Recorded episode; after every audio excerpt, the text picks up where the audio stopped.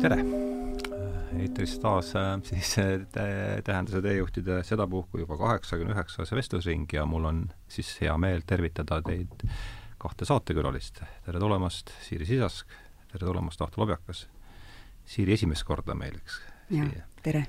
jah, tervist! ja Ahto tere, vist on neljas kord mul, ma hakkasin lugema. Tarmoga, eks ole, John Gray'st rääkisime ja siis kaks korda Varroga ja ükskord tegelikult Heideggerist, nii et viies kord. aa, viies kord kogu Sa... õige, Tartus käisime ju ka veel, jah, ja viies kord Arretla, vaata siis. ja sedapuhku saate teema on meil ju välja reklaamitud selles eelhoiatusest, et räägime Uku Masingust ja ja põhjus, miks me sellises koosseisus oleme siia kokku tulnud, on see, et Siiril ju ilmus, millal see plaat tuli sul? see Masingu lauludele? kahe tuhande kuueteistkümnendal. aa, juba nii kaua taga, aega tagasi, jah mm Siiril on siis neli aastat tagasi ilmunud plaat Masingu lauludega või Masingu tekstile tehtud lauludega ja ja no Ahto Kost ma tean ammusest ajast, et Masing on olnud sulle oluline, et, et see on see põhja, põhjus, miks me siin siis selles koosseisus täna oleme kokku saanud ja ja mina pean tunnistama, et minust on ta kuidagi läinud mööda, nii et mul on erakordselt äh, põnev, veel, veel põnevam saade mulle kui, kui kõik need ülejäänud võib-olla, sest äh, lünk, mida täita, on, on selle võrra suurem. et ma teekski niisuguse ettepaneku, et hakkaks rääkima sellest, et kuidas teie masina juurde sattusite ja hakkame vast siis Siirist pihta. Hmm.. no võib-olla oleks ka minust läinud Uku Masing mööda, kui ei oleks äh, kogemata minu hea tuttav ja sõber Erki Otsman ulatanud mulle oma raamatukogust raamatu äh, Mälestusi taimedest mm. -hmm. ja seda raamatut luge-, lugedes avanes mus mingi selline väga hea soe tunnetus ja, ja ma olin teinud ühe märkme ka siia raamatusse ja mõtlesin, mäletan täpselt seda tunnet ja, ja miks ma selle märkmega sinna tegin, sinna lehekülg kakskümmend kolm igatahes olen ma sinna midagi ära märkinud. ja see oli sellepärast, et mõtlesin, et oh, kui ilus, et äh, oma laulude vahel, kui ma kontserte teen, oleks väga ilus võib-olla seda mõtet mõnikord äh, noh, siin-seal olenevalt publikust muidugi ette lugeda, eks ole, et noh, kirikukontserte ma andsin oma muusikuga ka, ka päris palju tollel ajal. jah, see oli umbes viisteist aastat tagasi mm. -hmm. ja, ja siis ma jah, märkisin selle ära, aga siis hiljem, mõni aasta hiljem, üks neli-viis aastat hiljem, võtsin uuesti selle raamatu ette. ja siis muidugi juba ilmusid, vot praegu on mul see raamat siin laua peal, eks ole, kõik need äh, sildikesed siia vahele, eks ole, mis märgivad, et ma olen tööd. midagi veel ära märkinud ja veel ja veel ja veel ja veel. teos on läbi töötatud. ja teos on nagu teistmoodi veidi läbi töötatud kui see esimene kord.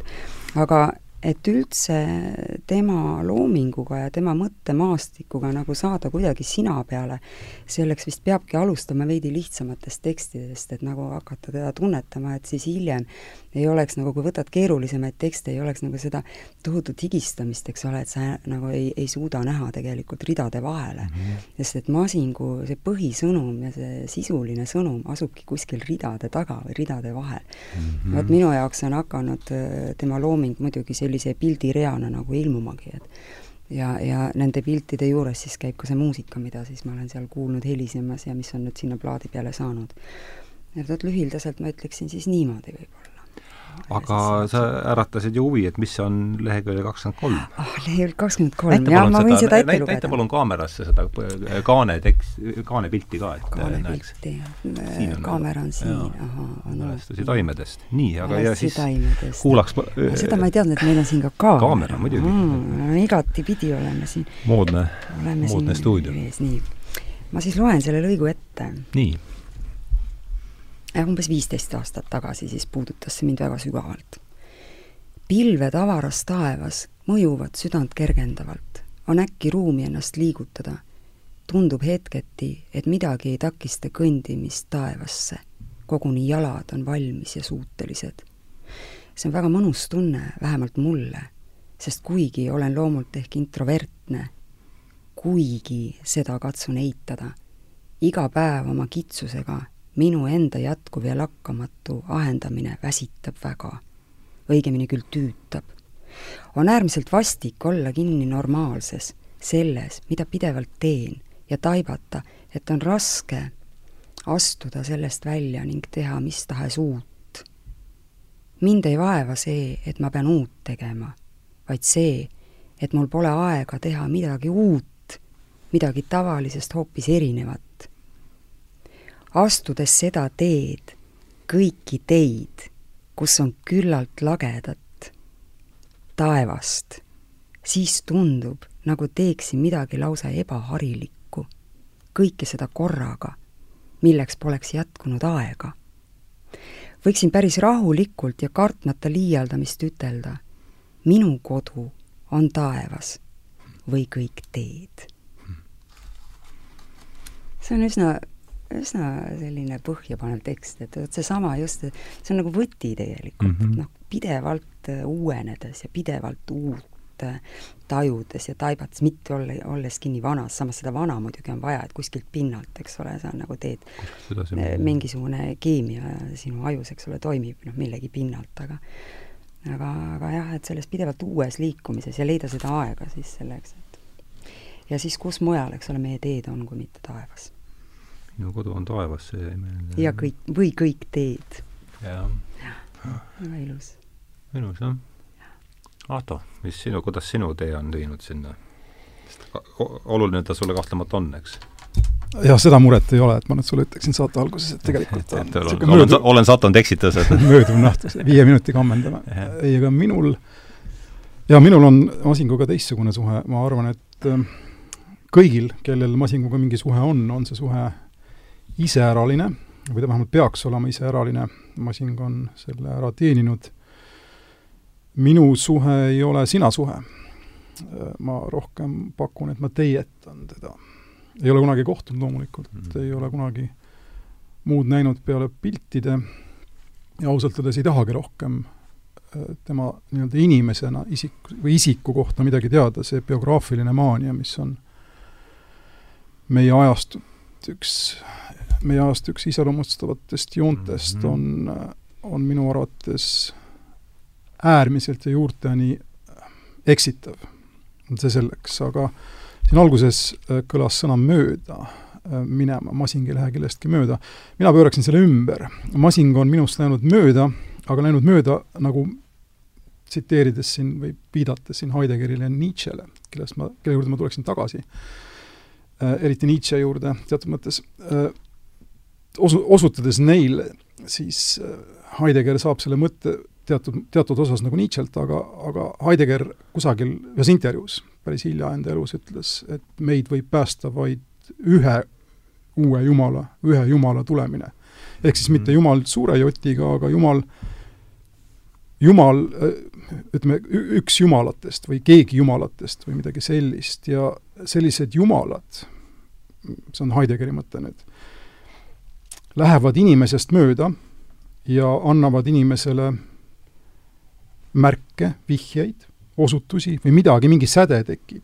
ja sellest sädemest tekib ajalugu, ehk siis mitte kõik inimesed ei ela ajaloos, mitte kõik inimesed ei ela tsivilisatsiooni nime väärivas tsivilisatsioonis, vaid peab olema mingisugune säde, jumal peab olema mööda läinud inimesest, kui sa aru saad, mis ma mõtlen no,. inimene peab olema teda näinud või märganud, jumal, meie, meie ajastust on jumalad põgenenud. See on nagu selle mündi mhm. teine pool. aga selles mõttes ma masingut loeksin enda elus üheks selliseks äh, nähtuseks, mis on äh, sädeme tekitanud, ta on must mööda mhm. läinud ja ma ei ole, ma olen kaugel sellest, et äh, olla jäänud äh, ükskõikseks nii, säde, nii et säde, sädeme tundub, et on mõlemas teis kuidagi tekitanud et.... jah, ma tegelikult kuulan seda juttu ja ma olen täitsa sellega päri, et, et ta on, aga ma, lihtsalt see sõnastus on tõesti teine, et noh, et et minu jaoks on ta olnud selline nagu või nagu juhataja või juht, et ta on avanud mingid maastikud, mis tõenäoliselt on minus ka enne olnud olemas. et äh, mul on väga isiklik just masing, et ma ütleks nii, et ta on kuidagi äh, ma ei suudagi nagu enam vahet teha ausalt öeldes, et kus ta lõpeb ja kus ta algab. sest näiteks ma olen nagu väga huvitavaid äh, paralleele nüüd leidnud, et ja järjest, et et noh, näiteks mul oli mingi meditatsioon pikka aega, väga isikliku loo nüüd räägin, eks mm. ole, aga ma ei saa ka sellest mööda minna. et kus ma peaaegu et igal õhtul mõtlesin tükk aega või õigemini vaatlesin ühte välja, sellist nagu kõrbemaastikku, mille keskel oli järv ja seda tegelikult noh, polnud ju olemas, eks ole, ma lihtsalt kujustasin endale selle, ma käisin ja istusin seal kuskil mäenõlva peal, selgelt nägin seda maastikku mm. -hmm ja, ja noh, mida kõik see järv seal tähendas või mida need teerajad tähendasid, mis need sinna järve juurde viisid ja need otsivad inimesed, kes kõik seda järve seal otsisid, ehk inimesi nagu ei näinud, aga nagu, nagu nägin mingeid kujusid ja ja siis ma nagu ise istusin seal, tuul oli seal ja päikeseloojang, kõik ilusad maastikud, sinised pilved ja, ja, ja mäestiku mingisugused reljeefid kuskil taustal. ja ma veetsin seal palju, palju tunde oma elust tegelikult ja siiamaani on see väga selgelt mul silme ees, et kui ma nagu mõtlen sellele, ma kohe näen seda. ja lihtsalt ühel päeval ma avasin ühe tema luuletuse ja lugesin seda kõike sealt luuletusest et tema seda kõrbe ja kõik, see oli kõik täpselt niimoodi selgitatud. pilt oli enne luuletust? pilt oli mul enne luuletust, eks mm -hmm. ole. mhm. nii et noh, need asjad, noh, et mul on siis selline tunne üha enam elus, et need reaalsused tegelikult ei, on, on kõik olemas. et need mingid mustrid või mingid äh, paigad või kohad ilmselt, mida Masinka uskus ja nägi, et noh, ta nagu käis neid või väisas neid mm. -hmm. et noh, ma olen ka seda teinud ja see on ka mingisugune väga isiklik kokkupuutepunkt, eks ole. et on olemas teatud pere, teatud või, või noh, ütleme maine pere, kuhu sa kuulud ja kui sa tead, sinapidi, eks ole, nimetad inimesi ja kõik on, aga siis on veel olemas üks teine pere mm -hmm. veel ja, ja, ja need kohad ja paigad, et ma nüüd aina rohkem seda usku ja võib-olla võimalik, et see on ka mingi põhjus, miks ma olen üsna enesesse viimasel ajal tõesti tõmbunud, sellepärast et et see maailm täidab mind vägagi. ja rohkem ei oskagi, ei oska enam nagu kirjeldada seda päris reaalsust, mis ümberringi toimub, sest et nagu ei oska nagu, nagu noh, saad aru, kus on need põhjused ja tagajärjed ja siis nagu näed seda tervikut ja nagu ei oskagi enam nagu sõnu leida, et väljendada mingeid väga tavalisi või triviaalseid asju, nagu ei teagi, mida öelda nende kohta. aga, aga, aga, aga need maastikud täidavad tohutult ja see energia seal nagu ei lõppegi, et sa oledki nagu seesama tuul mm., mis seal kuskil välja peal on ja see, keegi tuleb, puhub seda, sa lähed ja väga huvitav ja loomingu inimesele on see minu meelest nagu oluline mingi oma leidmise koht või avastamise või üldse loomingu või, või mingi loome saamise või jagamise või tunnetamise paik, et äh, sa pead olema hetke tarkuses. Pole enne midagi, pole pärast midagi, aga see sünergia, mis sinus on tulnud läbi nende juhtide, kelleks üks on olnud see masing minu jaoks, eks ole veel on mõningaid inimesi seal kõrval, kellest ma ka väga palju ei tea, nagu sinagi ütled, eks ole, et pole vajagi teada, aga tead, mida nad on mõelnud, noh nagu näiteks Marcus Aurelius ja seal on veel mm -hmm. kedagi veel, kes, kes on kuidagi äratanud või puudutanud, ma olen väga tänulik lihtsalt. aga Uku on osa minu elust ja, ja, ja parim sõber kas sa sellest, oled sa see, see värss, millest sa rääkisid, mis haakus selle maastikuantsu, sa viisistatud ka või see on? ei ole, ma ei saa ei seda ole. viisistada seepärast, et noh, et seda, on asju, mis sa ei saagi minna sellega, sest et äh, see ei ole määratud võib-olla üldse või, või ei ole ma veel üldse seal kuskil, et ma mhm. võiksin nüüd seda viisi seal kuulda, aga Uku luuletustes ma olen kõike seda kuulnud, enne kui ma olen klaveri taha istunud, midagi ei ole nii-öelda sünnitatud kuskilt tohutult hakanud mõtlema, mõtlen arvutuslikult, kuidas ma nüüd teen need käigud ette see on kõik nii tunnetuslik, ma ei ole ka ju, ma ei ole nooti tegelikult üldse õppinud, ma ei ole muusikalist haridust saanud et ma, see ongi, minul on kõik, kogu minu loometee on olnud tunnetuslik. ja nüüd ma olen seal, et, et see täidab mind täiesti. ma, ta on andnud mulle õigel hetkel õiged ohjad, et võiksin nagu elada edasi ja ja et mu mõttemaailm võiks kuidagi kuhugiviisi areneda ja aren-, arenduda või ma ei oskagi öelda, kuidas. rohkem, mul praegu sõnad lõppesid nüüd, Ahto, palun aita välja jah, Ahto, vaatame sulle mõlemad otsa. öelda tahtsin tegelikult. ma kardan, et sellest on juba saanud selline vestlus meil, kus, kus üks ei jätka teist ja, ja võib-olla teine esimest ja võib-olla nii ongi hästi, minu jaoks on kogu see loominguline pool väga kauge ja see on üks üks paljudest põhjustest, miks ma masingut jäängi teietama, see šamaanne või samaanne mm. loitsimine, mis, mis ta luulest läbi tuleb mm -hmm. ja mhm. kõik see on, kõik see on fenomenaalne, aga, aga ma võin seda ainult kaugelt vaadata, päriselt aru saamata, mis seal põleb. ei ole antud lihtsalt niimoodi põleda. aga ma jäin mõtlema, kuulates sind äh, selle suguluse peale, minul ei ole masinguga mingit sugulust ja ja hea ongi. jällegi see oleks liiga lähedane suhe, mis rikuks ära selle, mis, selle, mis on nagu sädet andev. aga Masingi kasutab seda motiivi, selles samas Sumeri naises on see läbiv mõte, et tal on Sumeris üks õde, kes, kelle, kelle kondid on kusagil liiva all, aga kes on sama elus kui tema ja tema on sama surnud kui õde mm -hmm. ja mhm. nii edasi.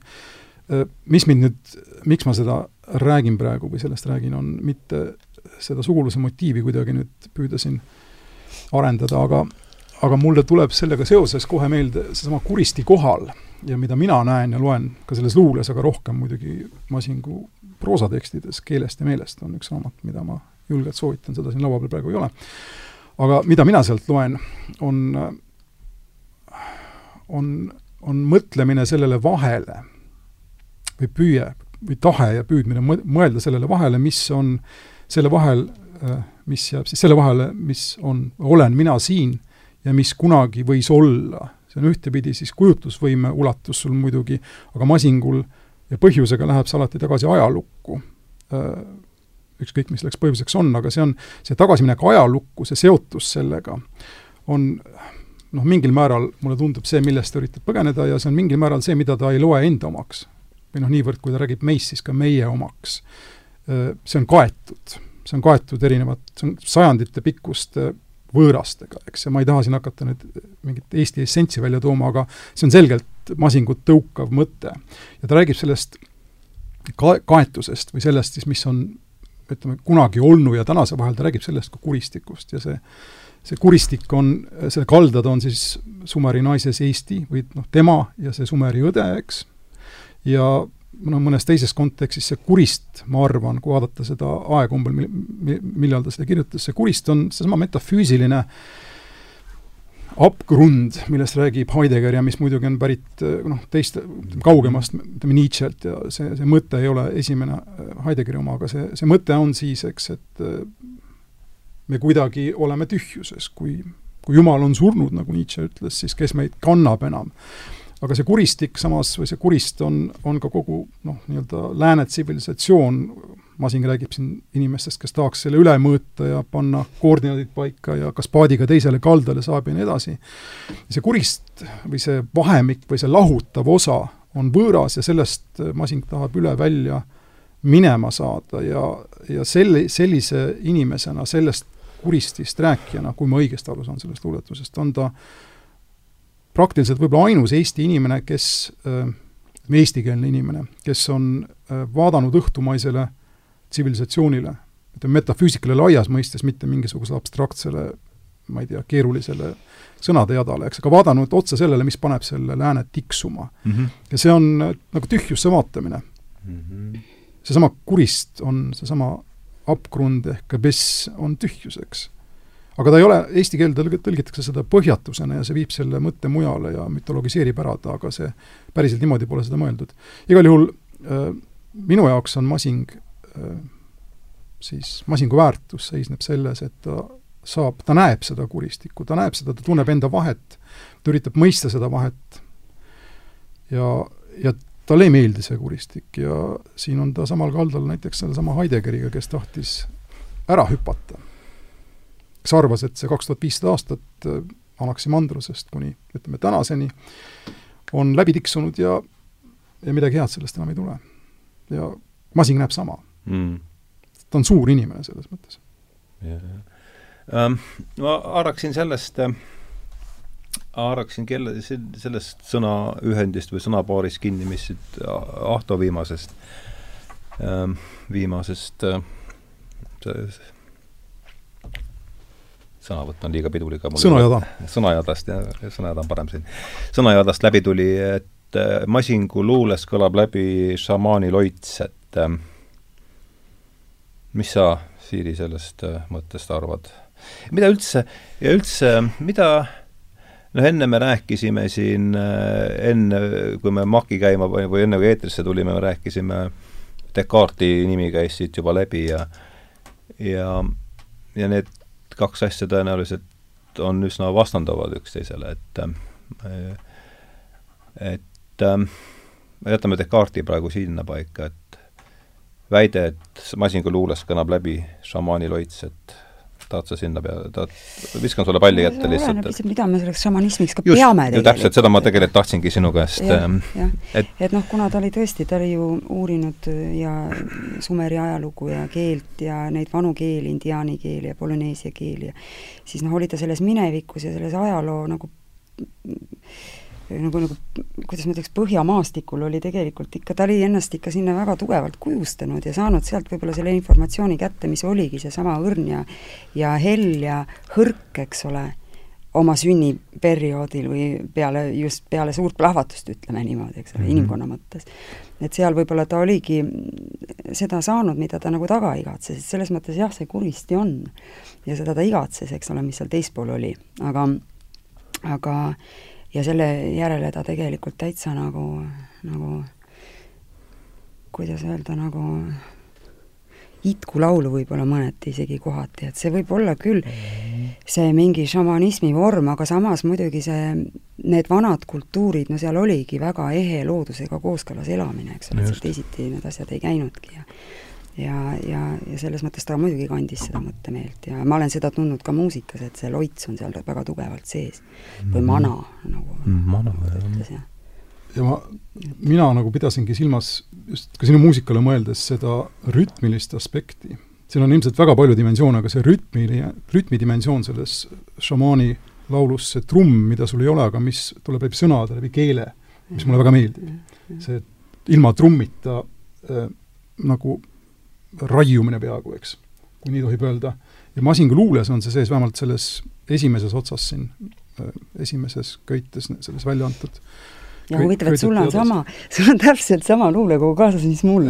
aga see on ka, see on ka minu arvates kas ta on kaks köidet või? ei, seda on kuus köidet. seda on kuus aga, või viis, aga ma ei taha Main, nüüd liiga kaugele minna enda hinnangutes, aga see on Masingu puhul kõige olulisem üldse, ma pakun, see see luulekogu, see on äh,, siin on aastad sees kolmkümmend kolm, kolmkümmend neli.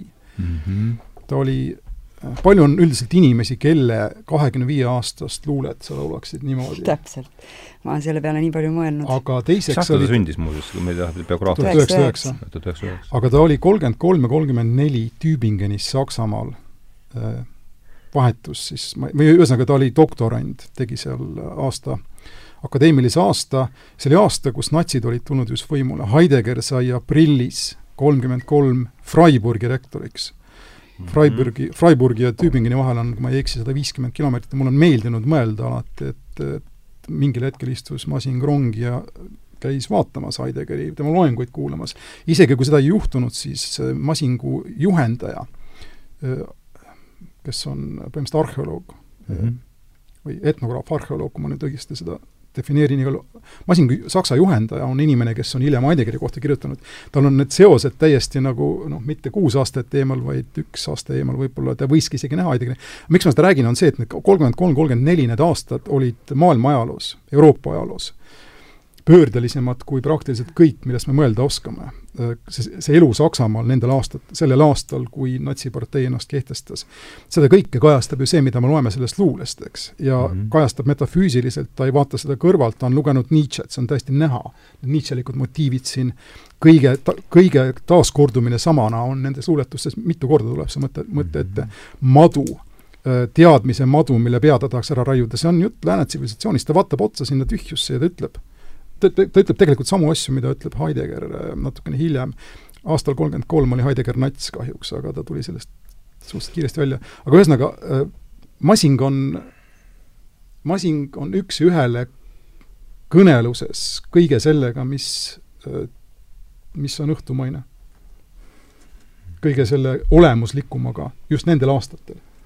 ja see on ka põhjus, miks ma arvan, et see üks esimene luulekogu on, on väga väärtuslik ja ja ma ei no, taha teiste kohta halvasti öelda. ta ju süvenes seal Saksamaal, eks ole, ikkagi need etioopia keel ja, ja need vanad, kõik see sumeroloogia ja seda ta just mhm. seal tegigi, eks ole, et tal oli see vastuolu tõenäoliselt, ta lihtsalt nägi seda nii karjuvalt, seda, mis seal Saksamaal sellel ajal toimus, eks ole, see tegelikult ikka täitsa haavas teda, et ta oli sellest ikka, oli väga löödud. aga mitu oli. korda me näeme siin sõna Saksamaa, mitte ühtegi? ei, no loomulikult, ta ei valanud õli tulla, eks ole. ja teiseks, ta ei saanud ka niimoodi ennast väljendada, see kõik, ta nägi seda palju suuremas prismas, ütleme seda helki, eks. Mm. ja selle, see prisma on see, mis mind huvitab just, see taust, seesama viid-, viide Nietzschele, millest, kellest sai Heideggeri jaoks pöörav jõud, Heidegger on kirjutanud, Heidegger on, Heideggeri poolt, ühesõnaga Heideggeri nime all on siis välja antud kaks paksu köidet loenguid ja esseid, esseid Nietzsche'st just täpselt sellest samast ajast, kolmekümnendate keskpaik, neljakümnendate alguseni. Äh, pidas ta hästi palju neid loenguid ja Nietzsche on see inimene, kes, kelle kohta Heidegger ütleb, et ta viis metafüüsika, ehk siis selle, mis, mis, mis on olemuslik läänemaailmas, viis selle nii-öelda lõpule, ammendas ta ja seda ütleb Heidegger? jaa, ja Nietzsche põhimõtteliselt sellesama Nietzsche viis lääne metafüüsika lõpuni? jaa, no sellesama kõige taaskordumismotiiviga, kui sul on Jumal, kui sa oled otsustanud või kui, kui sa, kui, kui sinu Jumal on surnud, ehk siin sinu maailma ei kanna keegi, siis on kaks varianti, kas ta jookseb tühja või kordub igavesti ja noh, Nietzsche otsustas, et ta tuleb igavesti tagasi ja see on kohutav nägemus. Ehm, kõik tuleb uuesti samal kujul sisuliselt, kuigi inimene unustab, ei mäleta, eks, aga midagi uut oodata ei ole. ja see kõik on siin äh, Masingu luules, see uue puudumine on täiesti olemas ja see on ka koht, see on, see on üks nendest kohtadest, kus ta tahab välja murda ehm, kui Nietzsche Zarathustra vaatab päikese poole, siis Masing vaatab kuu poole, ta otsib alternatiive. ja niimoodi ei ole lääne tsivilisatsiooniga Eestis keegi kahekõnet pidanud, nagu Masing nendel lehekülgedel jaa, ja võib-olla ka etteheiteid tegelikult ikkagi, selline varjatud etteheide ikkagi sealt tuleb, et noh, aga, aga ma tahtsin tegelikult rääkida natukene enne seda perioodi, kui ta Saksamaale läks, et ma olen lugenud noh, praegu on meil, eks ole, internet ja Google, võrratu Google, kus sa võid leida väga palju igasuguseid mõtteavaldusi, mida keegi on avaldanud ja noh, masingu kohta on ju väga palju artikleid ikkagi kirjutatud ja, ja teadustöid ja uurimusi tehtud ja ja siis äh, üks, mis, äh, mida, mida ridapidi mina hakkasin mingil hetkel minema ja kusjuures see oligi just enne, kui mul ilmus see plaat, see Kuristi kohal, et siis ma olin äh, noh, ma ei tea, kas mul on aega või on, on luba sellest natuke rääkida. no sa käi, selleks sa, me su kutsusimegi et kolmekümne teisel aastal näidati ühte filmi siin Eestis, Tartu kinos oli üks selline film, mille oli teinud äh, ma ei tea, kas ma ütlen nüüd seda nime õieti, Friedrich Wilhelm Murnau.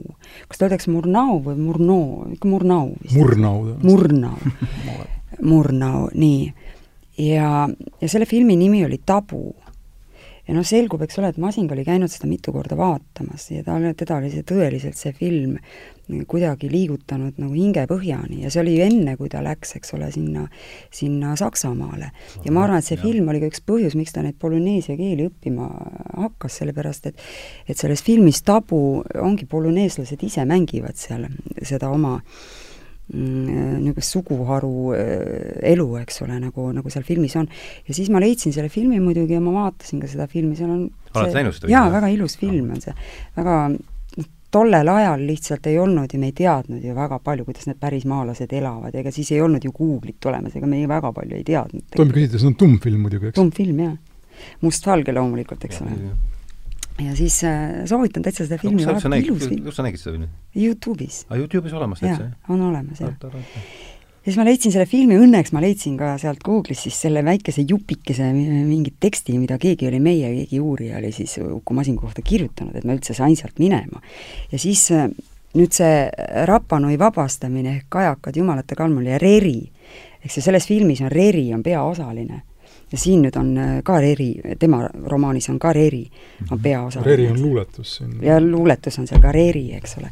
ja siis äh, oligi nii, et äh, kaks tuhat kuusteist mul oli juba see plaat oli tegemisel ja üks laul on seal plaadi peal Tuuleks saa ja siis ma alati nagu laulsin siin ja ma tundsin, et seal on üks selline lo-, loitsu koht nagu sõnadeta loitsu koht tegelikult või mis asi see koht on, kus mulle nagu nii loogiliselt ja harmooniliselt tundus, et noh, et et ma ei saa enne seda lugu tasakaalu, kui ma pean seal selle miski loodusliku nagu välja laskma.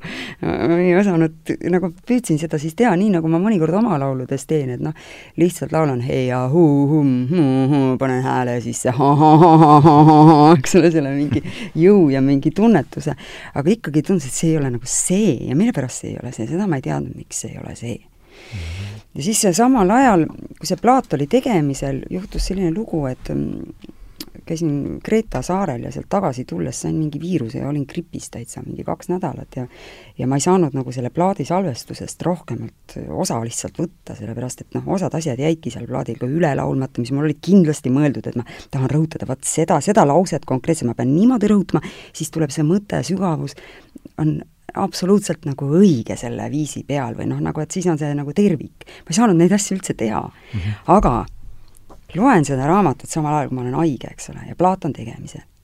ja siis jälle juhatas mind jälle teiste koodideni, mis oli Jukul jälle igal pool tekstis, kus ma lugesin ka sealt samast luulekogust, mis praegu on Ahtal, eks ole, laua peal, et siis viis mind teiste koodideni ja siis ma jälle, jälle mingi uus maailm sai avardatud, et noh, et siis ma vaatasin Rapa Nui sõnastikku, hakkasin uurima, Google'is on see kõik saadaval, eks ole. siis oli nagu näha, et aga miks ta on üldse kasutanud, mille pärast on siin raamatus, eks ole, on Vari Marama on üks peategelane, mida tähendab vari, mida tähendab marama, sain ma teada sealt, eks ole. et need on mõlemad mingid perioodilisused hoopis, üks lühike perioodilisus, teine pikk.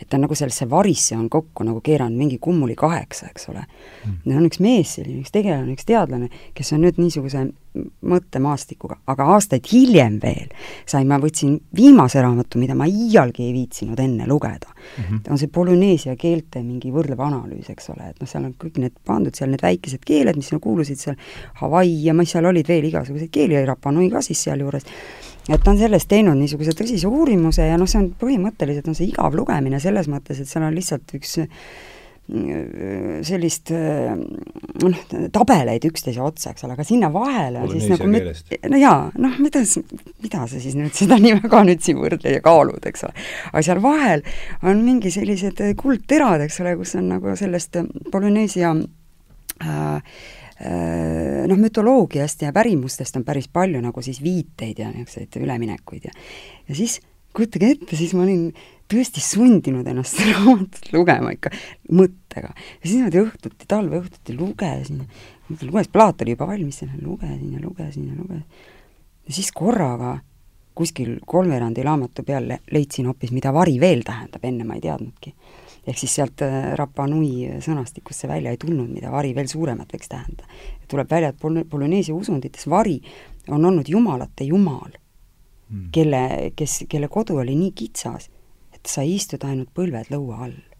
Mm.. ja oma kod-, kodus, see oli nii puudutav, on ju, ja nüüd ta on pannud vari, et see on iseenesest ka jumalate jumal veel, see tegelane, kes on siin. ja nüüd on ta läinud, eks ole, seal neid rongo, rongo, noh, kas võib-olla ma tõesti, kas see jutt üldse on arusaadav, mis ma praegu räägin, sest need on nüüd nii, muutunud väga spetsiifiliseks, eks ole, aga need rongo-rongo lauad, et need on noh, mingid seal Rapa Nui äh, mingid tekstid, mida keegi ei suuda, eks ole, tänini äh, dešifreerida ega lahti muukida, ega nendest aimu saada, keegi isegi ei tea, kas need on mingid konkreetsed, konkreetsed laused seal või on need äh, asjad, mis on lihtsalt mingisugused tähised, mida tuleb ju hoopiski tegelikult jutustada, eks ole, keegi ei tea.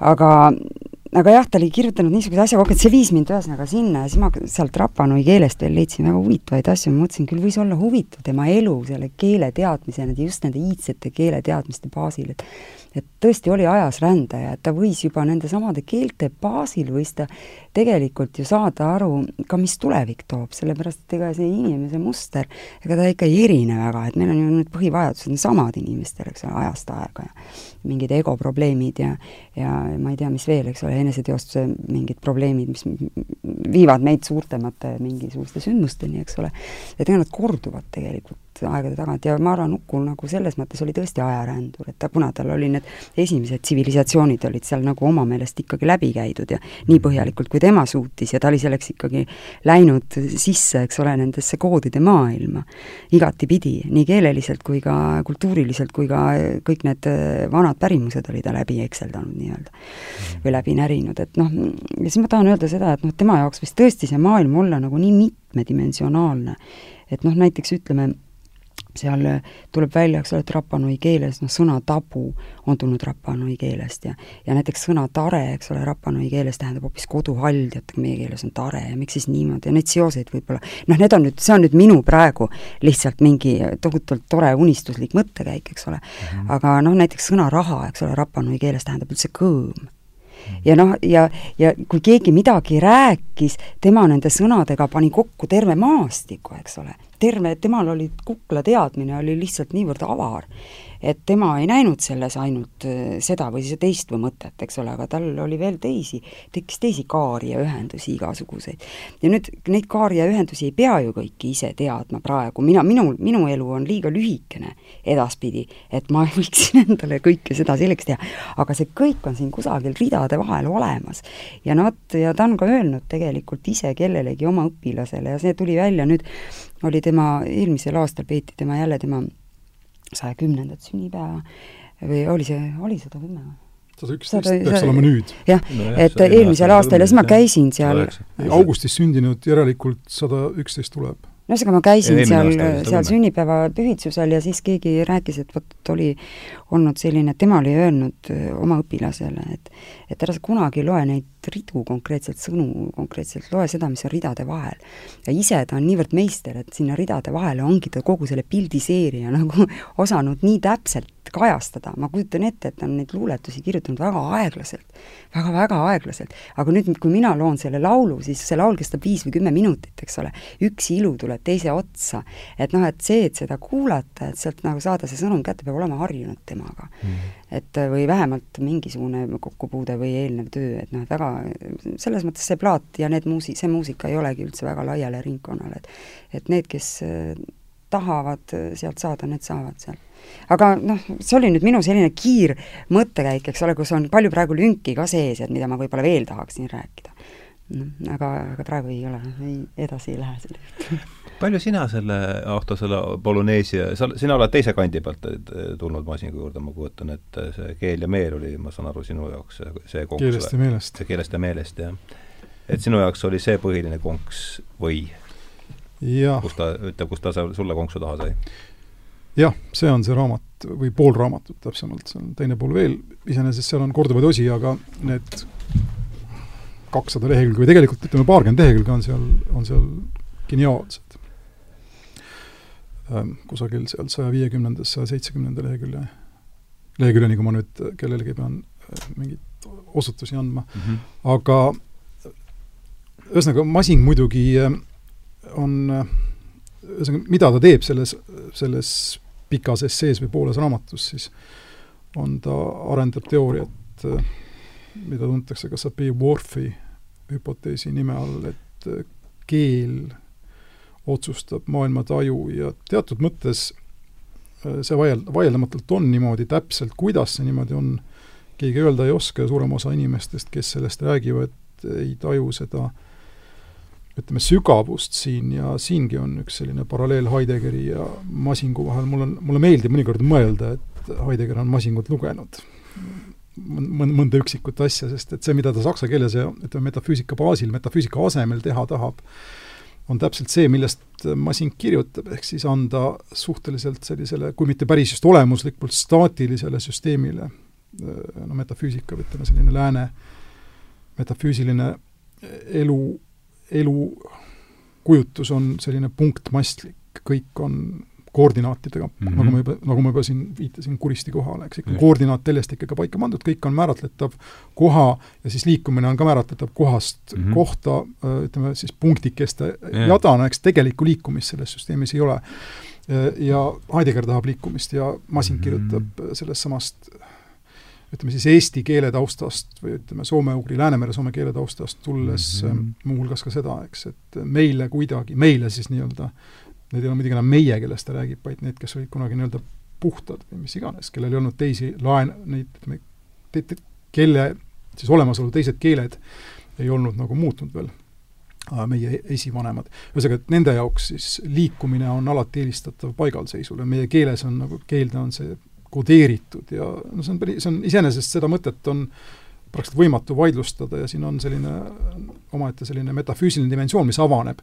ja see on jällegi põhjus, miks, no see on põhjus, miks mina äh, masingust huvitusin, aga ma tahan siin korraks tulla võib-olla selle Poloneesia juurde veel tagasi, et mm -hmm. masing kuigi ta tundus olevat sellist äh, nostraatilist meelt, see on nostraatiline keeleteooria või ütleme, keele, keelkondade, keelte päritolu teooria äh, üritab minna taha, ütleme tagasi horisondi taha kaugusse, mida enamus teadlastest ei pea võimalikuks.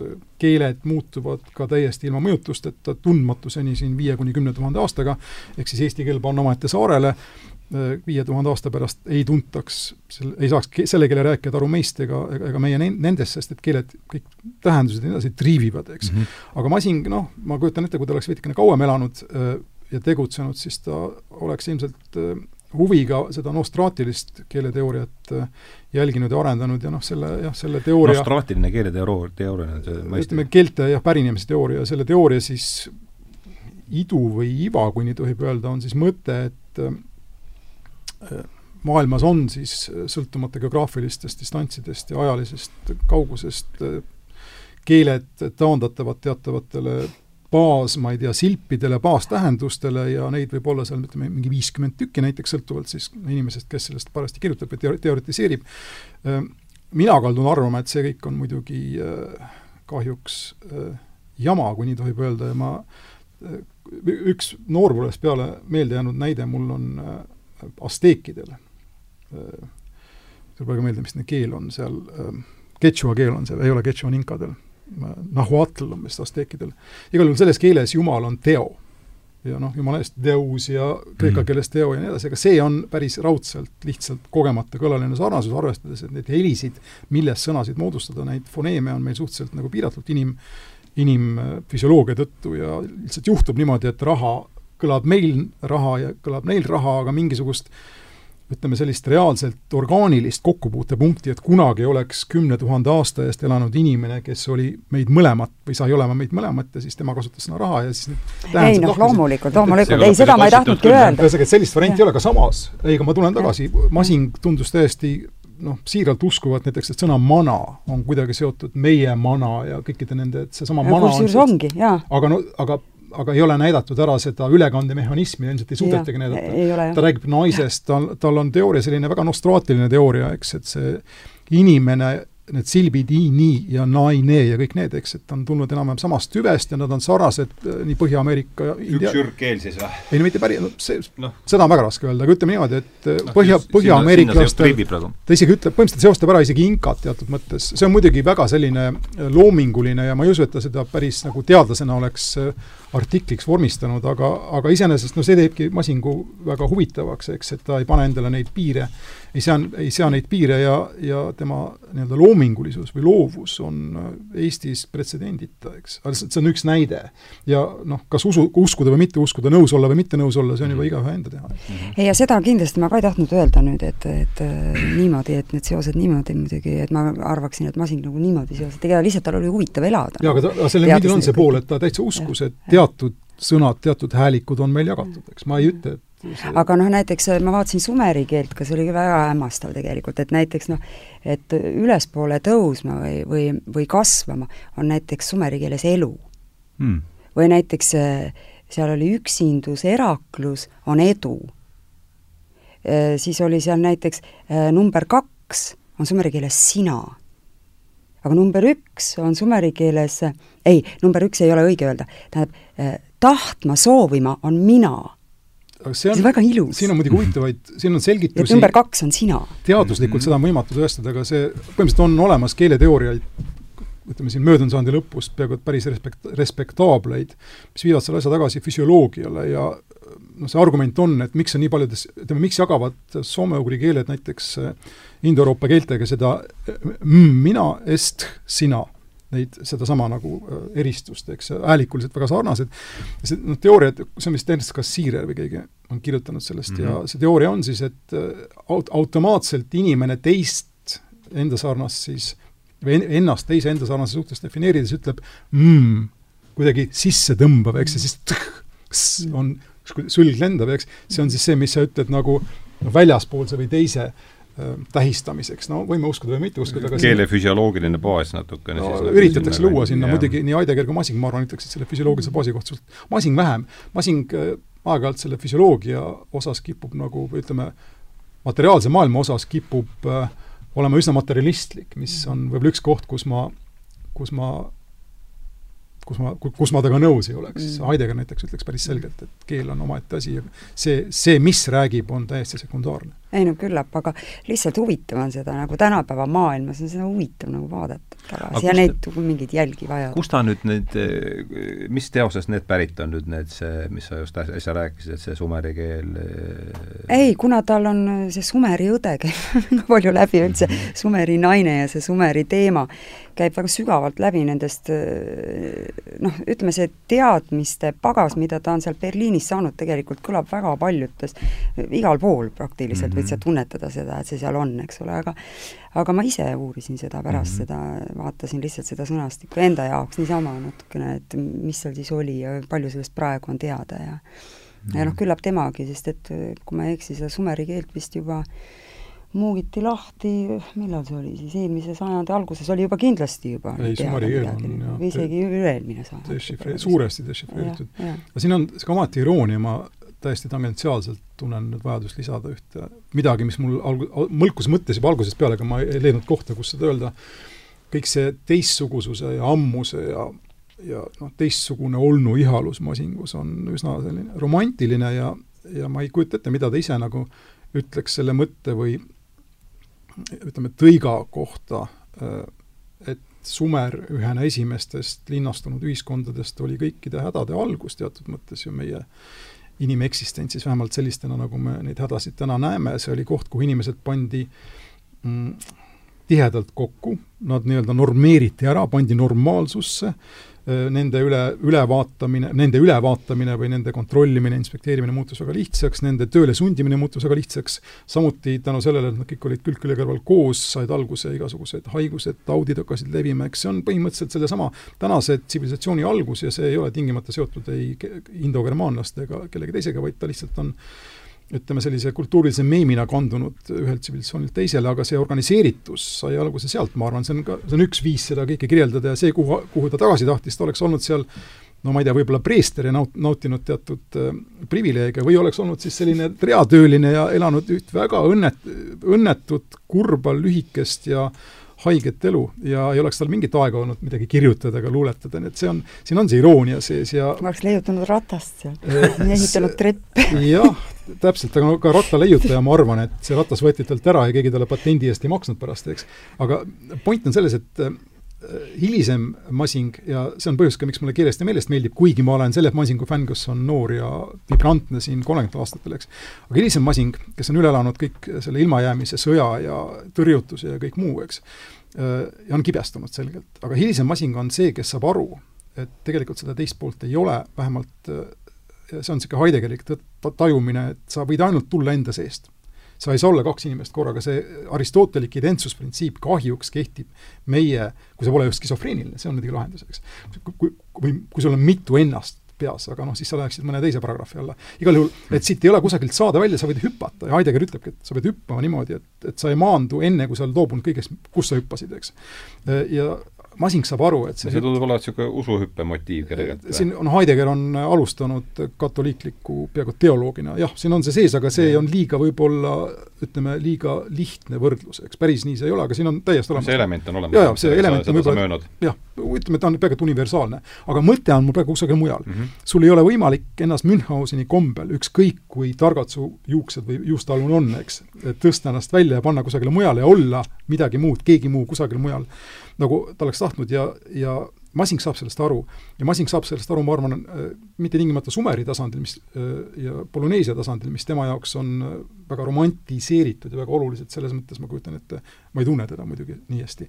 aga kust ta aru saab, on sellest, sellel tasandil ja keelest ja meelest kirjutab sellest järjest ja järjest, kuivõrd meie enda keel on siin i-germaniseerinud, talle meeldib neid indogermaanlasi kutsuda igermaanideks, on see iger sõna alguses, eks midagi, mis hästi ei kasva ja on niisugune igelik ja nii edasi, eks. igal juhul äh, ta ütleb seda ja korduvalt ja iger ja ugri. jah, et aga see on ka fakt, et, et, et meie, nii-öelda meie enda oma, ja see mulle meeldib eriti tänastes oludes väga, et seda meie enda oma sealt destilleerida, mis meil täna on, on võimatu, seda ei ole enam see, mis oleks nii-öelda eestilik või ma ei tea, Läänemere soomelik, et sellest midagi mingi uus maailmataju kokku panna või isegi, isegi loota, et me näeme maailma, nagu meie, ütleme, esivanemad siin tuhat aastat tagasi, mis iganes. see on, see on saavutamatu ja, ja see võib sind kibestada või mitte, aga, aga selle äratundmiseni ta jõudis ja selle eest talle müts maha, sest et teine tee on meil siin, vabandust nüüd, selline rahvusromantism, eks, kus me enda ajalugu tegelikult tundmata paneme püsti siin mingisuguse rahvuse, millel puudub igasugune kontakt siin, ma ei tea, Lembitu aegadega, noh, me nagu unustame ära selle, et Lembitust me teame ainult midagi, ainult tänu sellele, et Läti Hendrik, äh, saksa munk, ladina keeles kirjutas, eks, muidu mhm. poleks Lembitut meie ajaloos üldse olemaski. ja kõik see, Masingule jõudis see väga selgelt kohale kõik. ja kaasa arvatud, ma, ma kujutan ette, et ta oleks pidanud enda nii-öelda, mis on see sõna, vindikatsiooniks või enda äh, enda maailmanägemuse õigustuseks seda, mida, millest kirjutab nüüd Eesti arheoloogia peapool, Valter Lang ja äh, kes on nüüd, me, me, ühesõnaga on, on tuvastatud tänaseks praktiliselt vaieldamatult, et kui meie eellased kusagilt Siberist siia jõudsid, ütleme kaks tuhat viissada aastat tagasi, olid, leidsid, leidsid nad, et siin olid tunnid juba alanud ammu ja, ja ees olid siin germaanlased, kõik need, kui sõita välja just ütleme sinna Narva suunas Tallinnast, eks jõe lähtmel on pisikesed põllulapid ja nii edasi, kõik on germaanlaste põllulapid, kõik see oli germaanlaste poolt ära jaotatud, nende kultuur, põllumajandus, me oleme siin sisse rännanud ja mingit sellist helget, ainult meie kuuluvat, meile kuuluvat algust ei ole, sest kõik need sõnad, mida me peame enda omadeks, kõik olulisemad, mitte ainult ader ja ma ei tea, kõik need muud, eks, vaid võimu ja vaimusõnad nagu mõtlema mm, -hmm. vaim, kõik need sõnad on germaanikeelsete juurtega, terve Eesti põhjaosa on täis germaanikeelset, ilmselgelt mitte eesti või ütleme, soome-ugri juurtega kohanimesid, Kunda, Sonda, Harju, Viru, kõik on võõrad sõnad. ja ma tahan sinna jõuda, et, et, et Masingul oli ka see suurus olemas, et aru saada sellest. Nojah, mis järjekorras need asjad toimusid, mis järjekorras laenati, see on ilmselt kõik niisugune väga ei, aga meie tulime teiste maale ja nemad olid meist arenenumad, kui nii tohib öelda, meist, eks mm. -hmm. ja praktiliselt kõik need olulisemad sõnad, millega me täna saame filosofeerida eesti keeles, on laenatud germaani keelest või mingist ürkgermaani keelest kaks tuhat viissada, kaks tuhat aastat tagasi mm. -hmm. mis sina arvad sellest jutust? Eh, jah, ei no ma kuulan seda muidugi, loomulikult ma olen kunagi kirjutanud ka, vist oli mingi emakeelepäev äkki või kirjutasin Postimehes, see on mul nii õudselt hinge peal olnud, las ma nüüd siis toon selle nagu paisu tagant välja, eks mhm. ole mm -hmm. et kirjutasin, et noh, mõtleme ikka oma keeles ja et oleme ikka need, kes me oleme, mina just pidasin seda nagu, seda silmas, mida Masin ka tegelikult kusagil nagu isegi nagu toonitanud, mis raamat see oli, äkki oli ma ei suuda seda praegu öelda, et võib-olla see Eesti usundid äkki või või oli, oli, oli, oli, ma, ma, ma ei mäleta tegelikult, mis raamatust ma seda nüüd lugesin, aga, aga see avaldas tõesti mõju, et et noh, et see mõtlemine et kus ei ole nagu mees- ja naissugu, et sa oled, sa oled nagu otse, kusagil lähed nagu otse sealt võõsast, iga asja puhul lähed otse läbi, eks ole, sul ei ole, päike ei ole äkki kuskil meessoost ja teisel pool on kusagil naissoost, eks ole, või midagi seda ta heidab ette just indogermaanidele, et jaotasid maailma ja, ja, et noh, mis on õilis, on mees no, ja mis on et meil on nagu see ikka niisugune robustne otsevaade kuidagi, et et see on ikka meie eripära, et ma ei tea nüüd, kui palju see avaldab meile mõttemaailmas, ma, ja ma usun tegelikult, et iga tilk, väike tilgakene mingisugust essentsi siiski avaldab mõju. no küllap ta avaldab. kas ma tohin nüüd ja. rehabiliteerida, muidu jääb niisugune mulje, et ma olen kõik maapõhja neednud ja öelnud, et meil ei olegi nagu oma keelt. aga las mina reha-, rehabiliteerin ennast okay, enne, et siis ma kirjutasin seda artiklit ja ma olin just kirjutanud midagi muud, eks ole, ma tegelikult kirjutan ühte raamatut, võib-olla äkki praegu, mul on juba üheksa varianti sellest raamatust ja võib-olla ma ei tulegi sellega kunagi välja, aga ma olin seal lihtsalt äh, Riia lennujaamas olin vaadanud, noh, lennujaamades alati tegelesin kirjutamisega, kusjuures mm -hmm. ma kirjutasin kõike seda, mida ma just näen parasjagu reaalajas, eks ole, inimesi seal kirjeldasin ja iseenda tundeid ja mõtteid ja kuna ma lendasin päris palju ringi, mul oli Saksamaal palju, oli palju kontserte mingi, mingisugusel perioodil oma elust ja ja siis ma tõesti kirjutasin palju ja ma olin seal kirjutanud ühest mehest, kellel oli kollane kohver, suur kollane kohver, kuhu oli punasega peale kirjutatud Fragile ja siis ma olen kirjutanud sinna, et noh, et et aga see mees, see kollane kohver, ta püüab nagu distantseeruda sellest, et võib-olla on see talle, keegi on, on talle kaasa andnud, et vii tead see asi nüüd ära sinna kuskile, et võta see kohver kaasa, ta nagu hoidis sellest kohvrist eemale. ja siis, kuna see oli kollane, oli selline tunne, et mingi tuuma pommi mingisugune märgistus on sealt puudu või mingi kiirgus, et noh, et kollane. ja et aga sinna asemele on pandud fragile ja siis kirjutasin, et näed, sellised me oleme, eks, et tundub, et sellele mehele endale peaks fragile kirjutama selja peale. ja noh, et kui, kui, kui tegelikult õrnad me ise oleme, eks ole, noh, et ja mõjutatud mingisugusest väiksest kohvrist või millestki muust. ja siis olin, samal ajal olin seda kirjutanud ja olin mingis meeleseisundis, eks ole, ja siis kirjutasin selle, panin sinna artiklisse, ma arvan, sellepärast võib-olla sa ka tahad praegu seda rõhutada, et, et seda just et tegelikult, et meil ei ole seda oma keelt, et meil on ikka laenatud sõnad, sest ma olin kirjutanud sinna, et noh, meie eestlased, meil on, vot meil on hinged, eks ole, hinged käivad lahti, hinged käivad kinni, hinged käivad sisse, hinged käivad välja, aknahinged, uksehinged, igast hinged. pärast selgus, et keegi oli kirjutanud kommentaari sinna artiklile, et tegelikult see tuleb ikka millestki muust, eks ole, et see ei ole eestikeelne sõna. aga mina olin lihtsalt mängulisuses viinud selle sinna üle, ma ei mõelnud seda üldse nii tõsiselt. ja pärast mul oli väga piinlik ja ma mõtlesin, ma ei kirjuta enam elu seeski ühtegi sellist artiklit, eks ole.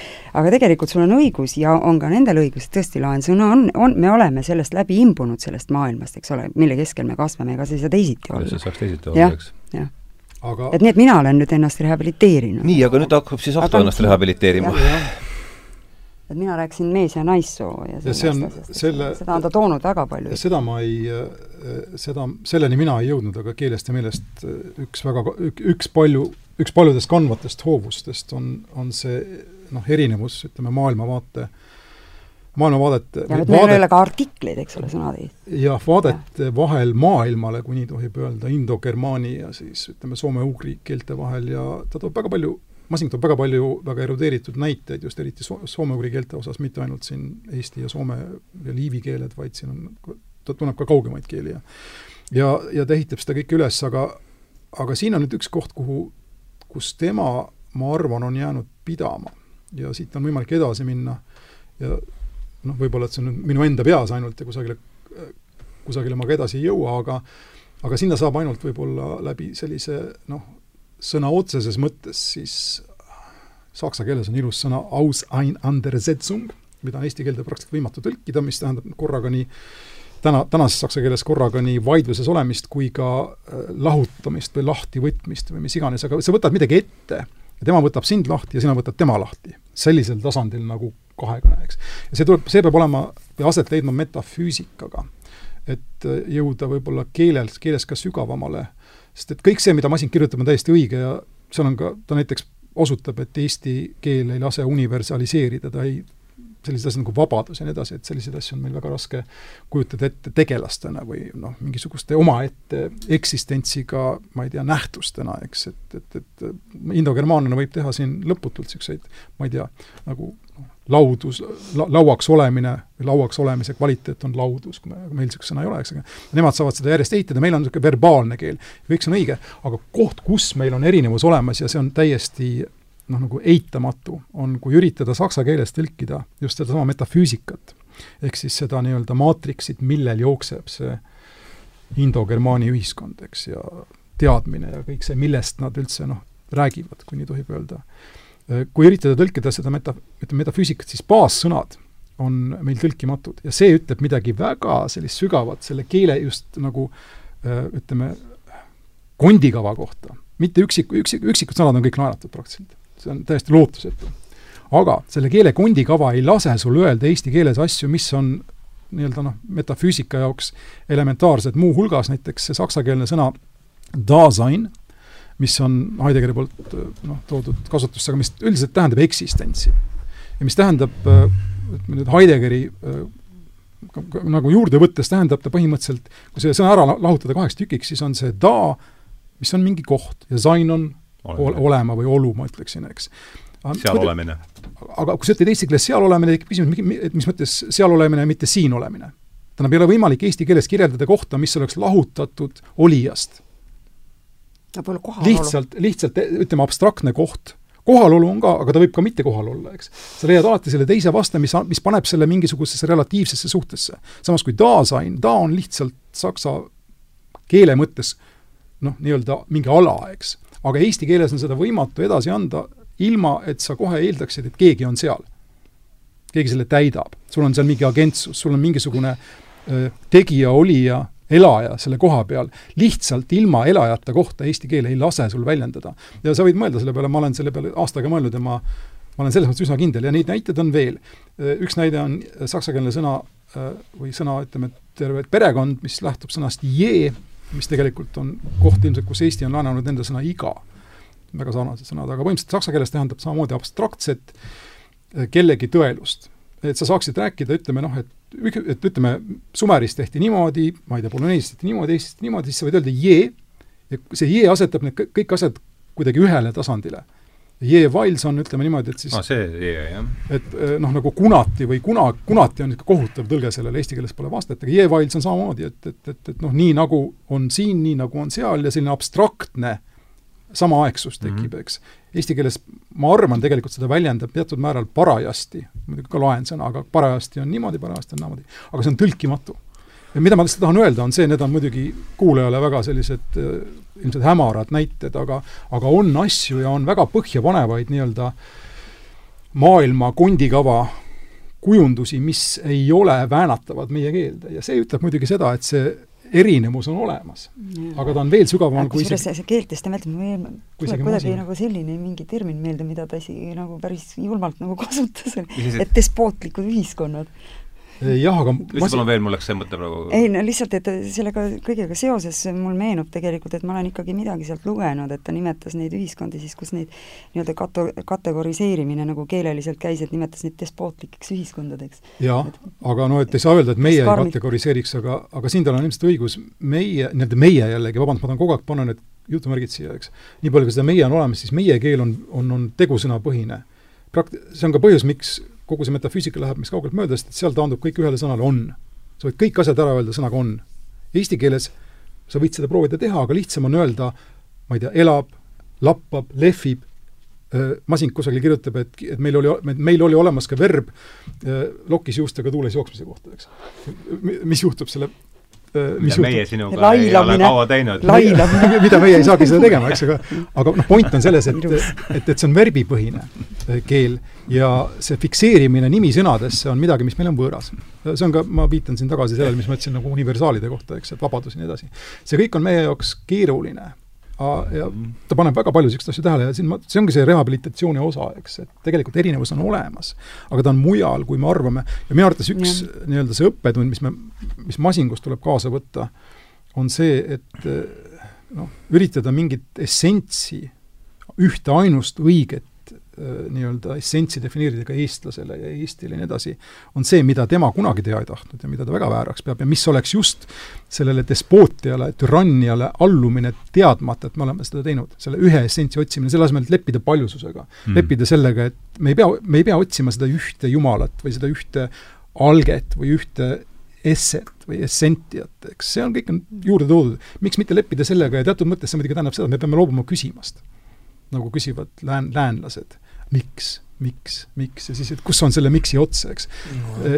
Masing on inimene, kes on teatud mõttes juhatab teed jah, selle mitteküsimise juurde ja ja see paljusus minu jaoks just tulebki välja seal ridade vahel, et see, see, ta kannab nagu seda nii, nii sinna ridade vahele nii sügavalt ja nii täpselt tõesti, et tekitab need pildid, et et minu jaoks on sellest muusikast, mis mina seal kuulen ja sellest, vot sellest mingi, miskist kirjeldamatust, eks ole, see ma ei, ma ei, ma ei tea, kuidas, kuidas seda öelda, kas see on tõesti hellus või armastus või ligimese mingisugune läheduse tunne või mida mina tajun, et mul on sellest täiesti piisab, et noh, et ma nagu ei tekita, ei küsi ka enam neid küsimusi, kui ma teda loen, et miks või milleks või kas või on veel midagi või midagi. et ta lihtsalt, see rada läheb edasi, kui sa oled kord sinna maastikule sattunud, et nii-öelda monomatapa metsad, eks ole, siis sa seal oled ja kõnnid ja kulged. tähendab, sa võid küsida, aga sa ei tohi tahta vastu, sa ei tohi tahta vastust, sest vastus on see koht, mis kinnistab, jäätab, sulgeb, paneb paika, ei lase liikuda.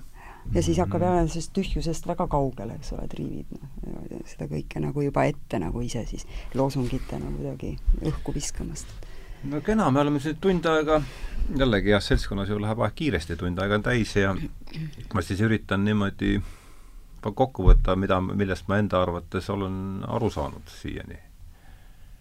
või, või mingit, või pigem niimoodi, et kuidas see kuuldub minu mingisse sellisesse, mul on mingi oma sõrestik all, kuhu need, kuhu uus informatsioon tuleb, nagu meil kõigil, et et mulle jääb mulje, et siis seesama, mis ta oli, Murnau tabu oli üks oluline äh, pööre tema selles arengu jaa, tundub nii, jah. tundub, eks. ja, ja see ka, et see kahe tuhande viiesajane aastane lugu siin läänes äh, eriti ja sellel on tõepoolest see maatriks, millel, millel kogu see lugu, ütleme, sellel lool on all oma, mingi oma maatriks, metafüüsika ja see kogu see mudel tundub olevat päris äh, tõsiste raskuste ees. ja mulle jällegi kuuldust ja jääb mulje, et Masing tajus seda juba äh, siis äh, meist vaata et sada aastat, sada aastat varem ja kuivõrd me oleme sellest oma nendest sügavamatest kihistustest ja see, minu meelest on see ka käinud täna läbi, et need oma nendest sügavamatest kihistustest me oleme ennast suhteliselt ära lõiganud, kuivõrd me oleme selle äh, noh, selles uues lääne loos nii, niivõrd sügavalt sees, et siis see, ta, ta otsib justkui seda, justkui teed nende sügavamate kihistusteni, mis on seal all, allpool seda kahe tuhande viitesadat aastat, mille pealt me oleme kasvanud sealtsamast Polüneesiast ja Sumerist ja nojah, Sumer on selles mõttes küll juba justkui osa meie loost natukene, aga ma ei tea, mis te sellest äh, ikkagi mul tuleks kas ma tohin sulle selle kahe tuhande viiesaja kohta öelda? jaa, muidugi. Öelda ka selleks sa ju siin oledki.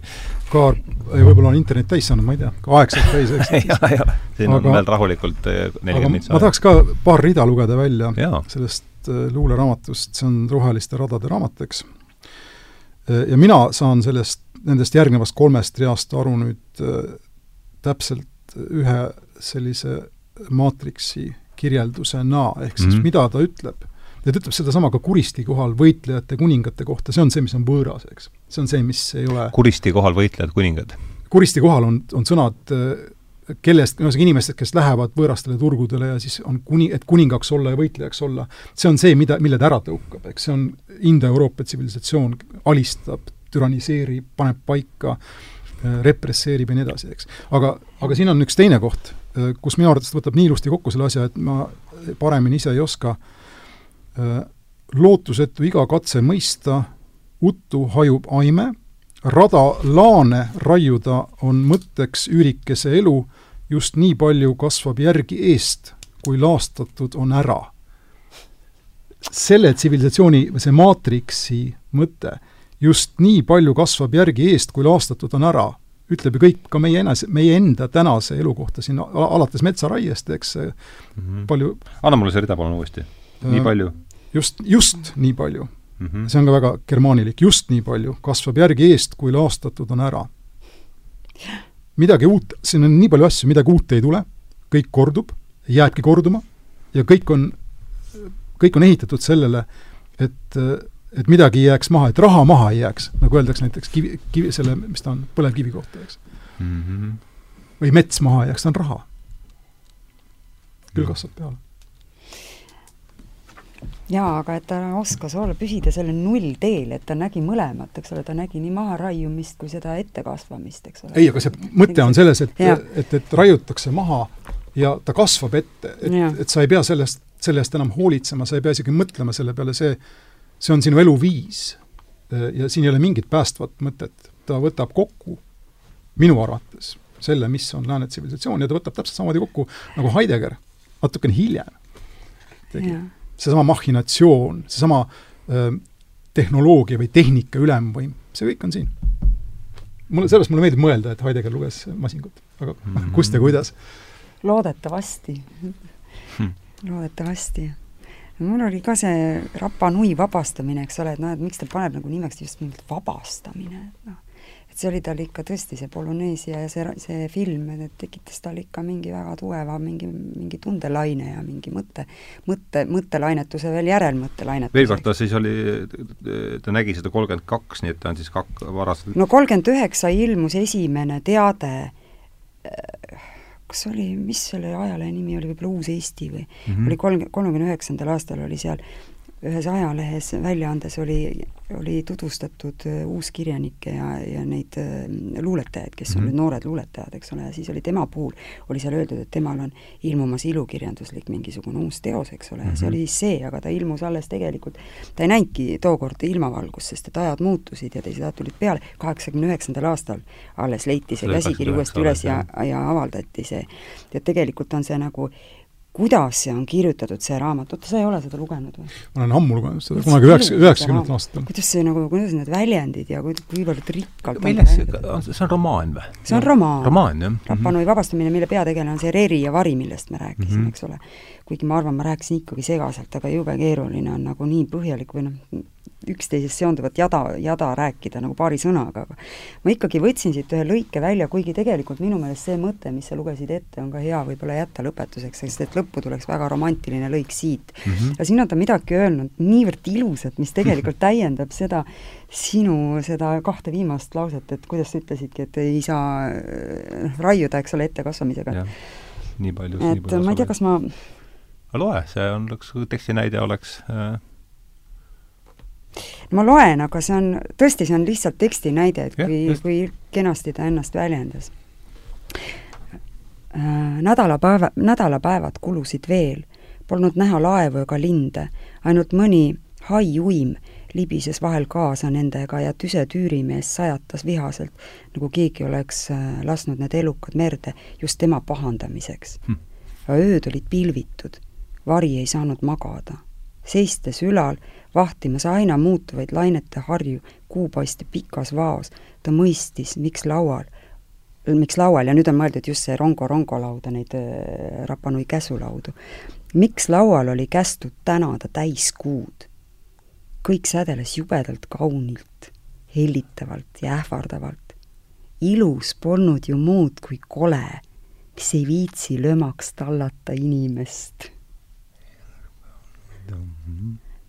Kuuvalge öö Vaiksel ookeanil oli kuidagi võimatu ja võimaliku piiril veel üks raasuke seda, mida ei osatud nimetada ning ilu asemel oleks olnud lömakili merel tuld sülitav, puruks litsuv ja lõhki kiskuv koletis. see on Nietzsche. Ilus, see, see ilusa definitsioon on Nietzsche. kuule, ma mõtlesin, kus ma olen seda. see on, see on Nietzsche. no näe, vaata, kollektiivne avastamine. ei, ei, see on Nietzsche märkmepärandist, see on ilmselt eri vormides igal pool, aga märkmepärandis on see täiesti olemas, mis on välja antud pealkirja all uh, tahe võimule, mis ei ole Nietzsche enda raamat, aga see on väljas äh, selle pani, õde pani ta kokku juba või? jah, ja see on äh, õde koos toimetajatega ja, ja ma olen kin-, see on, näitab, et põhimõtteliselt aga noh, võimalik, aga muidugi ta kolmekümne Masing oli lugenud äh, äkki jah? seda oh,, okay. ta oli lugenud Zaraustrat, mis on näha siit, sellest ja võib-olla tõesti. aga naljakas on see, et ta praktiliselt kunagi ei viita neile, ei viita Nietzschele. jaa, ei ole olnud jah, aga aga ilmselt on need mõjutused jah.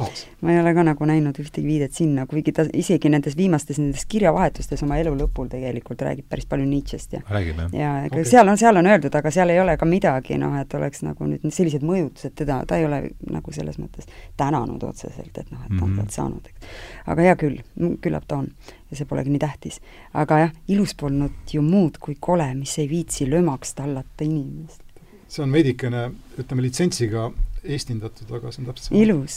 veel üks raasuke seda, mida ei osatud nimetada ning ilu asemel oleks olnud lömakil, lömakili merel tuld sülitav, puruks litsuv ja lõhki kiskuv koletis. sinakas valged pilved kumasid nii ebamaiselt, et näisid kohutavamad kui Hiina lohed, aga samas pehmemad ja õrnemad pajukanadest hmm.. ülestõusmispühade hommikul taevas helendas otse kui metallist kiiver ja vari ei mäletanud, et kunagi oleks tundnud teda nii ainelisena, peaaegu käega katsutavana. ning selle kummi all ruttas lakkamatu rahutu passaattuul nagu sureva sõduri mõtted. põhja pool sääl, kus päike seisis lõunati, ta tüdines lõõtsamast ja soikus. aga oli kujut-, kujuteldamatu seegi, kuidas selline julge rõõmus tuul võis vaibuda olematusse noh. Kujundeid tuleb niimoodi riburada pidi. aga, aga ta on lugenud, ta on lugenud nii Heideggeri kui Nietzsche't, kogu see just nimelt.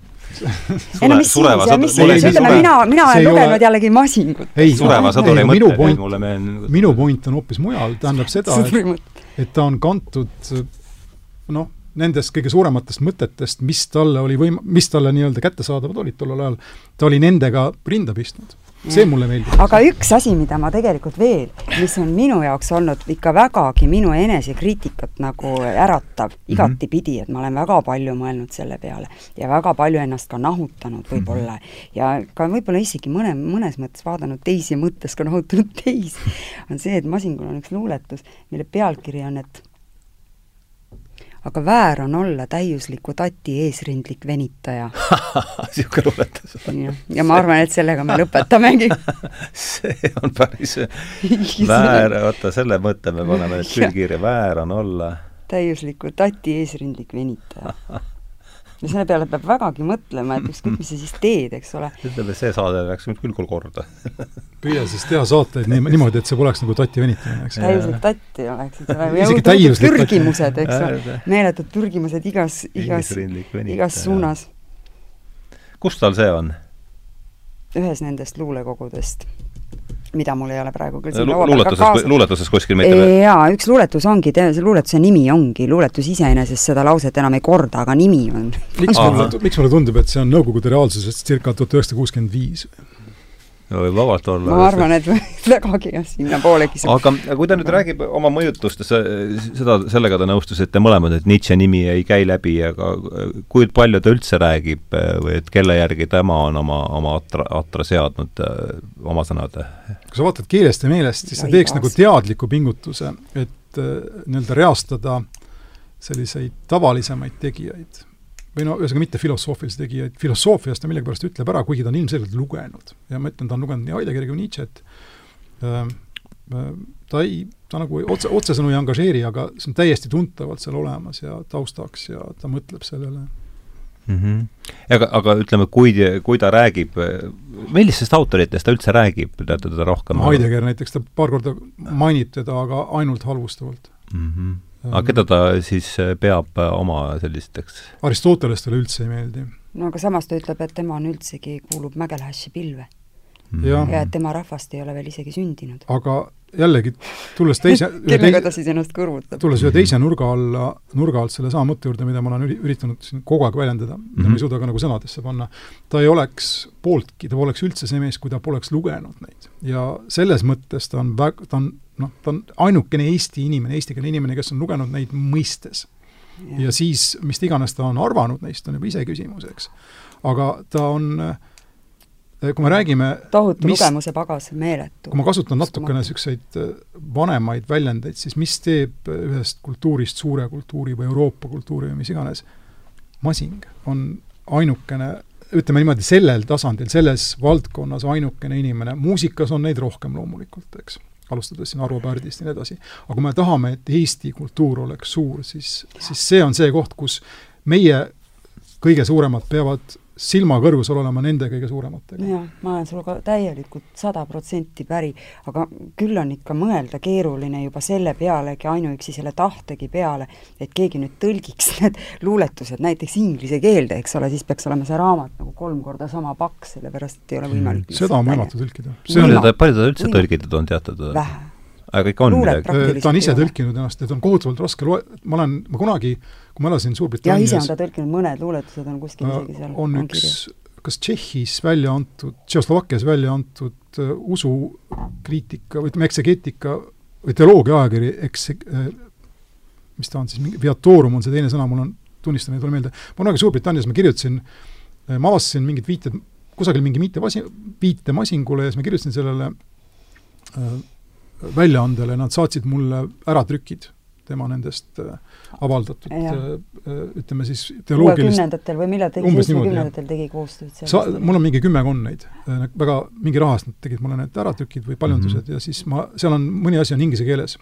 ta ise on kirjutanud selle ilmselt inglise keelde ja siin on see probleem, et ta inglise keel on hea, aga mitte piisavalt hea, et sellist noh, ütleme originaalsust ja sügavust suuta nagu peegelda, see on veidi nagu Kaplinski luuletab inglise keeles, võrreldes sellega, mida ta eesti keeles teeb, see võiks olematu olla. masinguga on kahjuks sama mm. -hmm. Um, aga mul on selline tunne, et saksa keelt ta kuidagi jaa, nagu valdas teist sügavamalt. ma tahangi öelda, et saksa keel on hoopis midagi muud. Uh, aga inglise keeles, noh, et, et nagu levikut saavutada, on vaja inglise keelt, eks.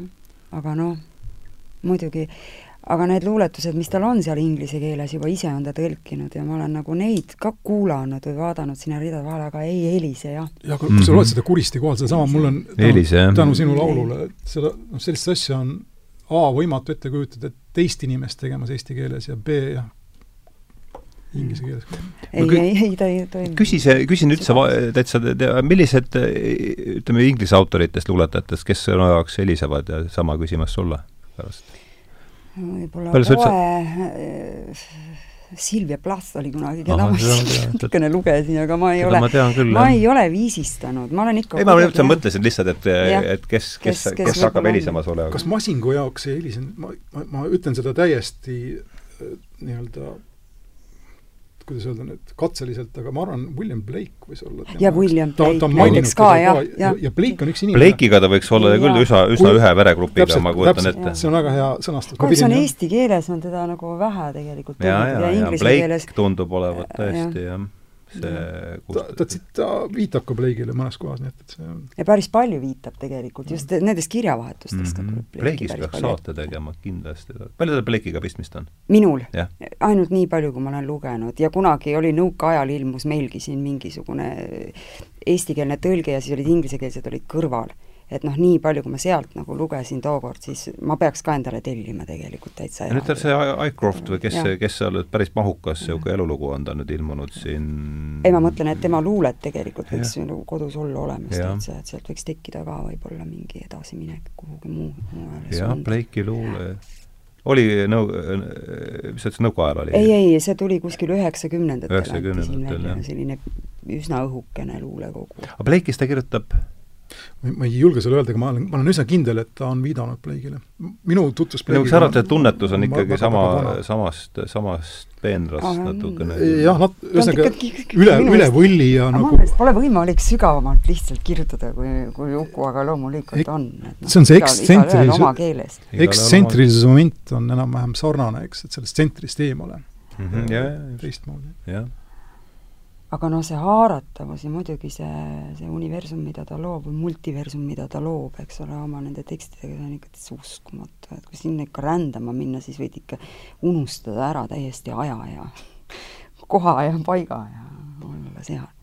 ma ütlen, et ma olen mänginud neid lugusid, kui ma, kui ma neid nagu sain, et noh, selles mõttes ütlesid alguses väga õieti, et Uku laulud, et need ongi Uku laulud tegelikult mm, -hmm. et ma ei ütle ka, ma ei ole nagu nii noh, nii eluvõõras inimene, et ma hakkan nüüd rääkima siin endast kui vahendajast, eks ole, mitte seda, aga lihtsalt mina olen olnud, mul on selline tunne olnud, et ma olen olnud nagu mingi tuul kuskil korstnas, et keegi on pannud tuule, tule alla, eks ole, sealt sütitanud ülevalt, muudkui tuul tõmbab, mina muudkui seal korstnas siis kuidagi olen, et et ja see on me-, metsik energia, et noh, et et nende lugudega, kas või see Kuristi kohal, tead, ma võisin lõpmatuseni seda ööd läbi, võisin seda tampida seal klaveri peal mm. -hmm. tõesti tampida nagu läks ikka, läks ikka korda, jah? see on no, see on nii, sa lähed sinna, sa unustad ära, sa lihtsalt ainult toitud sellest ja oled selle sees, et see on võimatu, sa ei tulegi sealt ära ja kui tuled, siis tõused hommikul üles ja lähed edasi.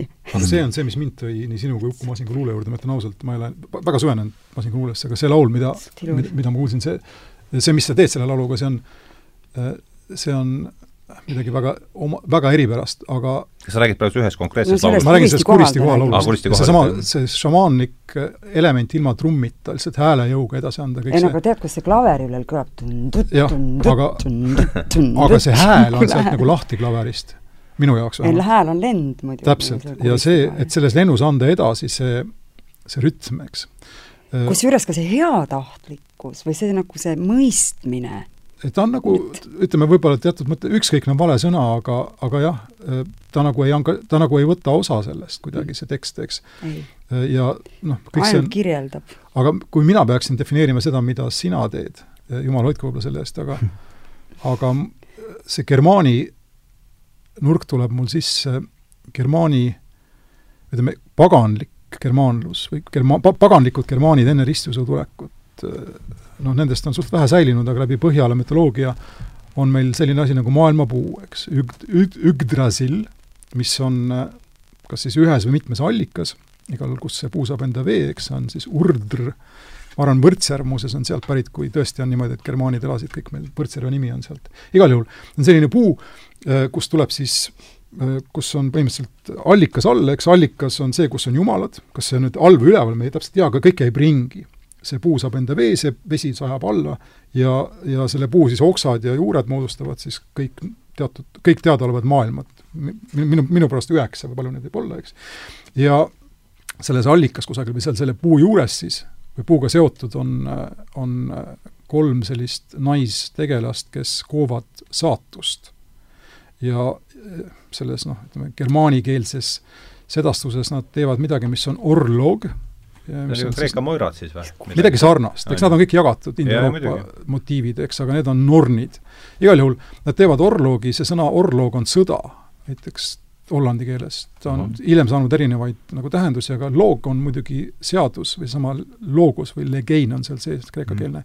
Nad koovad seda, mis neile ette antakse ja minu arvates, mis sina nagu teed, on sa paned selle ühte, ühte tüüpi või ühte sorti koesse, selle, mis masin ette annab ja ma tunnengi niisugust kedruslikkust seal. jah, ketram on hea sõna. ega lõpp.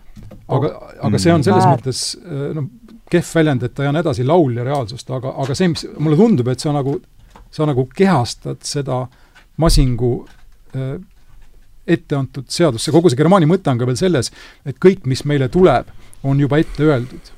et see kõik käib kuidagi ringi, et ei ole sellist asja nagu avatud tulevik, vaid sa teed seda, mis sulle on saadetud ühesõnaga, mina muidugi tänan sind nende ilusate sõnade eest ja need on muidugi mind natuke kõrvust tõstvad, aga, aga samas ma tunnen tegelikult, et see on see maastik lihtsalt, sa oled ise olematu seal.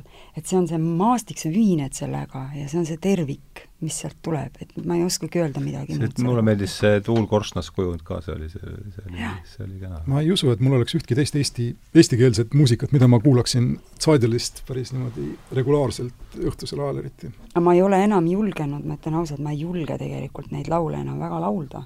eriti nagu laivis, et ma ei, ma, ma nagu ei tee, sellepärast et et noh, selline tunne on, et äkki on see nagu liiga noh, esiteks ma tambin seda klaverit tõepoolest, eks ole, ma tambin teda nagu asjakohaselt enda jaoks või selle asja terviku suhtes, aga aga inimene, kes tuleb, noh, ta tuleb teist kusagilt mujalt, eks ole, aga mina olen selle sees nüüd juba kaua ja pidevalt viibinud.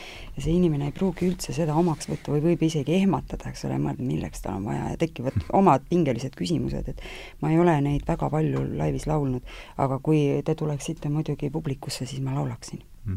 Hea meelega. Ja tahaksin seal olla tükk aega, mitu korda järjest laulaksin. kusjuures see on, see ei puutu praktiliselt üldse asjasse, aga nad on hästi lindistatud ja hästi produtseeritud ja neid on mm,, neid on väga hea kuulata.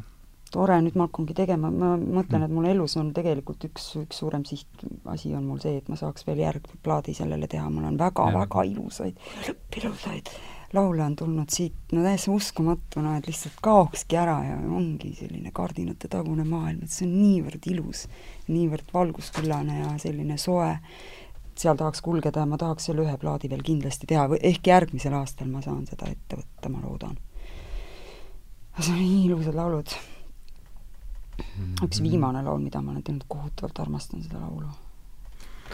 noh, need on nüüd kõik suured sõnad, aga ma olen, julgen neid ka välja öelda vot, aitäh! jah, mulle siin tundus, et sa andsid praegu saatele pealkirja, et see kardinate tagune maailm kõlab.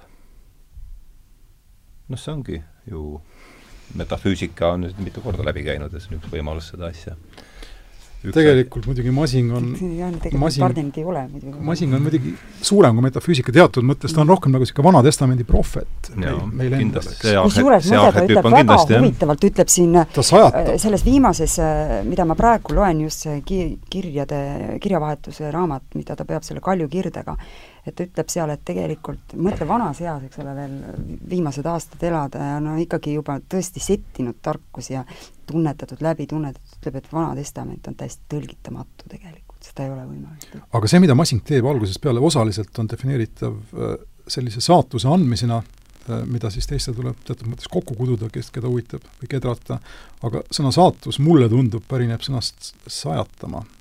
ja ta sajatab. ta sajatab saatust Äh, mitte üldse sajatama on ju jah, või manab esile või mis iganes. jah, päris head sõnad, sajatama ja manama ja need kõik on kuidagi Need on niisugused väega. väega sõnad, jah. see niisama ei ole, jah ja.. aga palju on Eestis inimesi, kes selliseid sõnu on võimelised õhku paiskama niimoodi, et nad ka kõlama jäävad?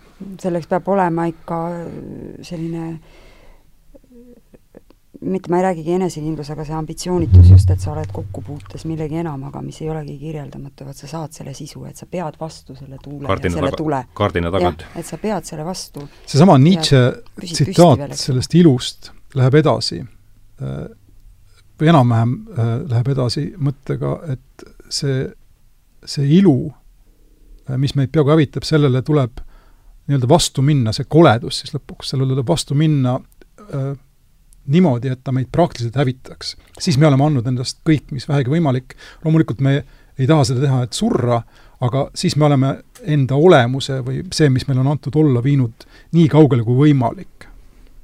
ühesõnaga, et see korda, korda palun veel. et see ilu, mis on kole mm, -hmm. no see, mis täpselt, et see mõte nagu läheb edasi, et, et, et sellele tuleb nii-öelda vastu minna või selle käsku täita seni, kuni sa peaaegu enam ei jõua see, see on väga germaanilik, indogermaanilik mõte, aga ma arvan, et see kõlab, kõlbab ka Masingule.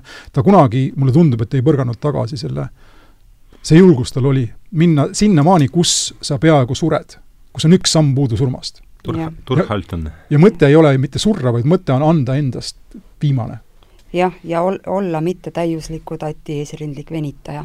see, see, ma hakkan seda nüüd alasutes unes nägema.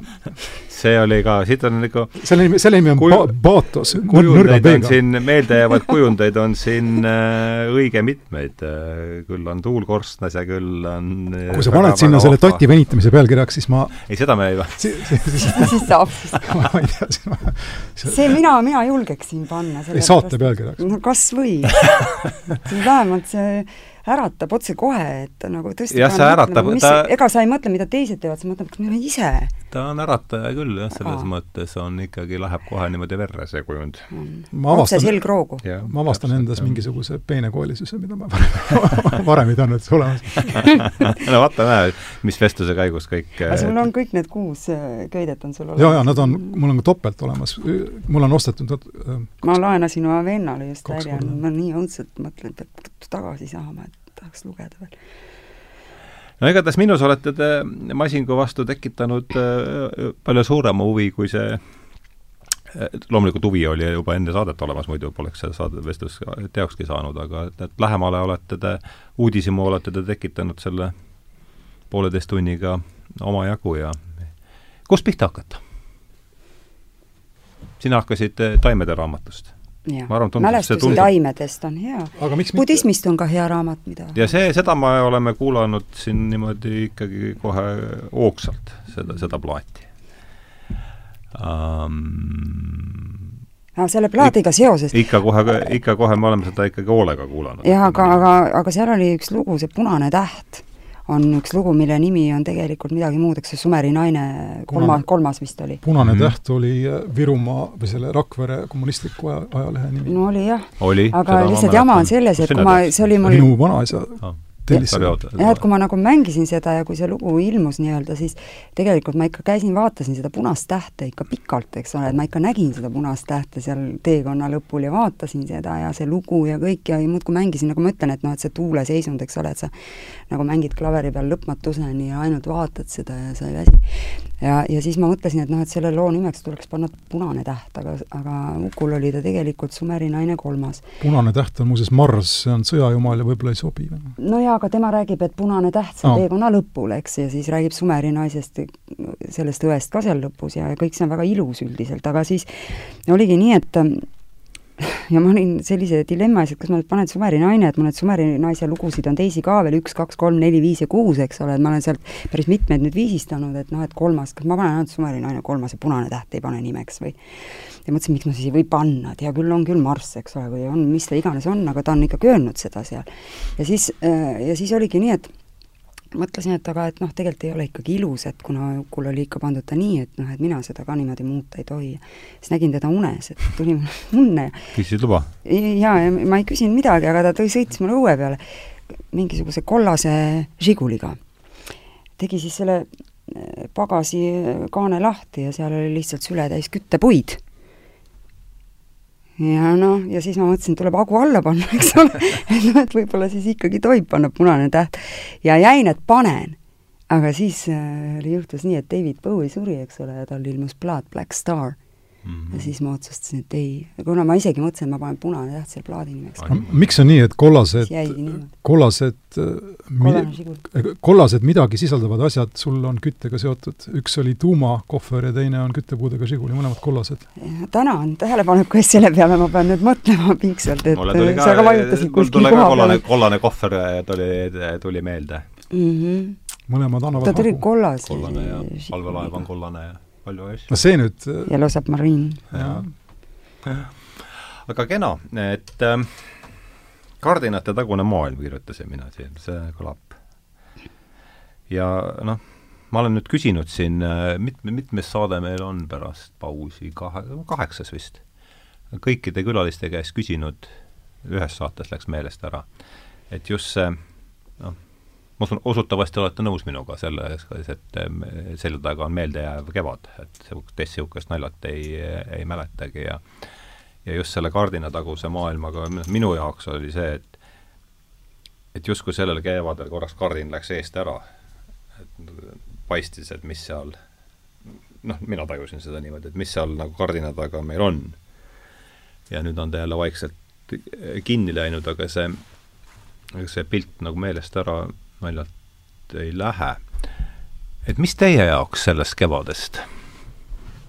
ju me oleme kõik mõelnud selle üle, et mis siin on toimunud ja ja kuhu see asi siin edasi läheb, et mis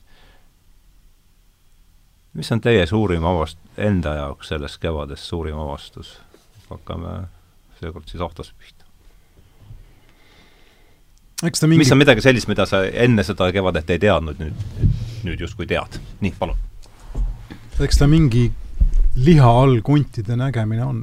eks ole, jah, ma mõtlesin sama kardin mulle väga ei meeldi, kardin jätab sellise mulje, et et midagi varjatakse meie eest, aga rohkem ütleme niimoodi, et me näeme konte liha all kiiremini, kui loodus on ette näinud, eks tavaliselt sured ära ja siis toimub lag-, lagunemisprotsess ja siis mingi, no ma ei tea, kondid pleegivad ikkagi aastatega, eks, pleekisid korraks väga kiiresti lahti need kondid meil mm -hmm. ühiskonnas.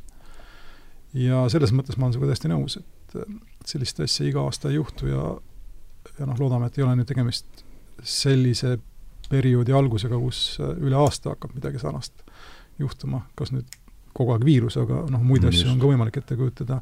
igal juhul äh,, äh, igal juhul jah, äratuntavaks või kombitavaks sai see asotsiaalsus, mis on sotsiaalsuse taga, ma nüüd tsiteerin Kanti, ühiskonna taga, Kant on kusagil no selle mõtte, ühesõnaga mõtte öelnud, et äh, inimeste enesehuvi ja enese eest äh, noh, seismine on see, mis tegelikult äh, oma kombi-, kombineerumises paneb kokku ühiskonna ja ja see, et iga inimene tahab seda, mis talle on hea, on siis lõppkokkuvõttes äh, ühiskonda loov, eks.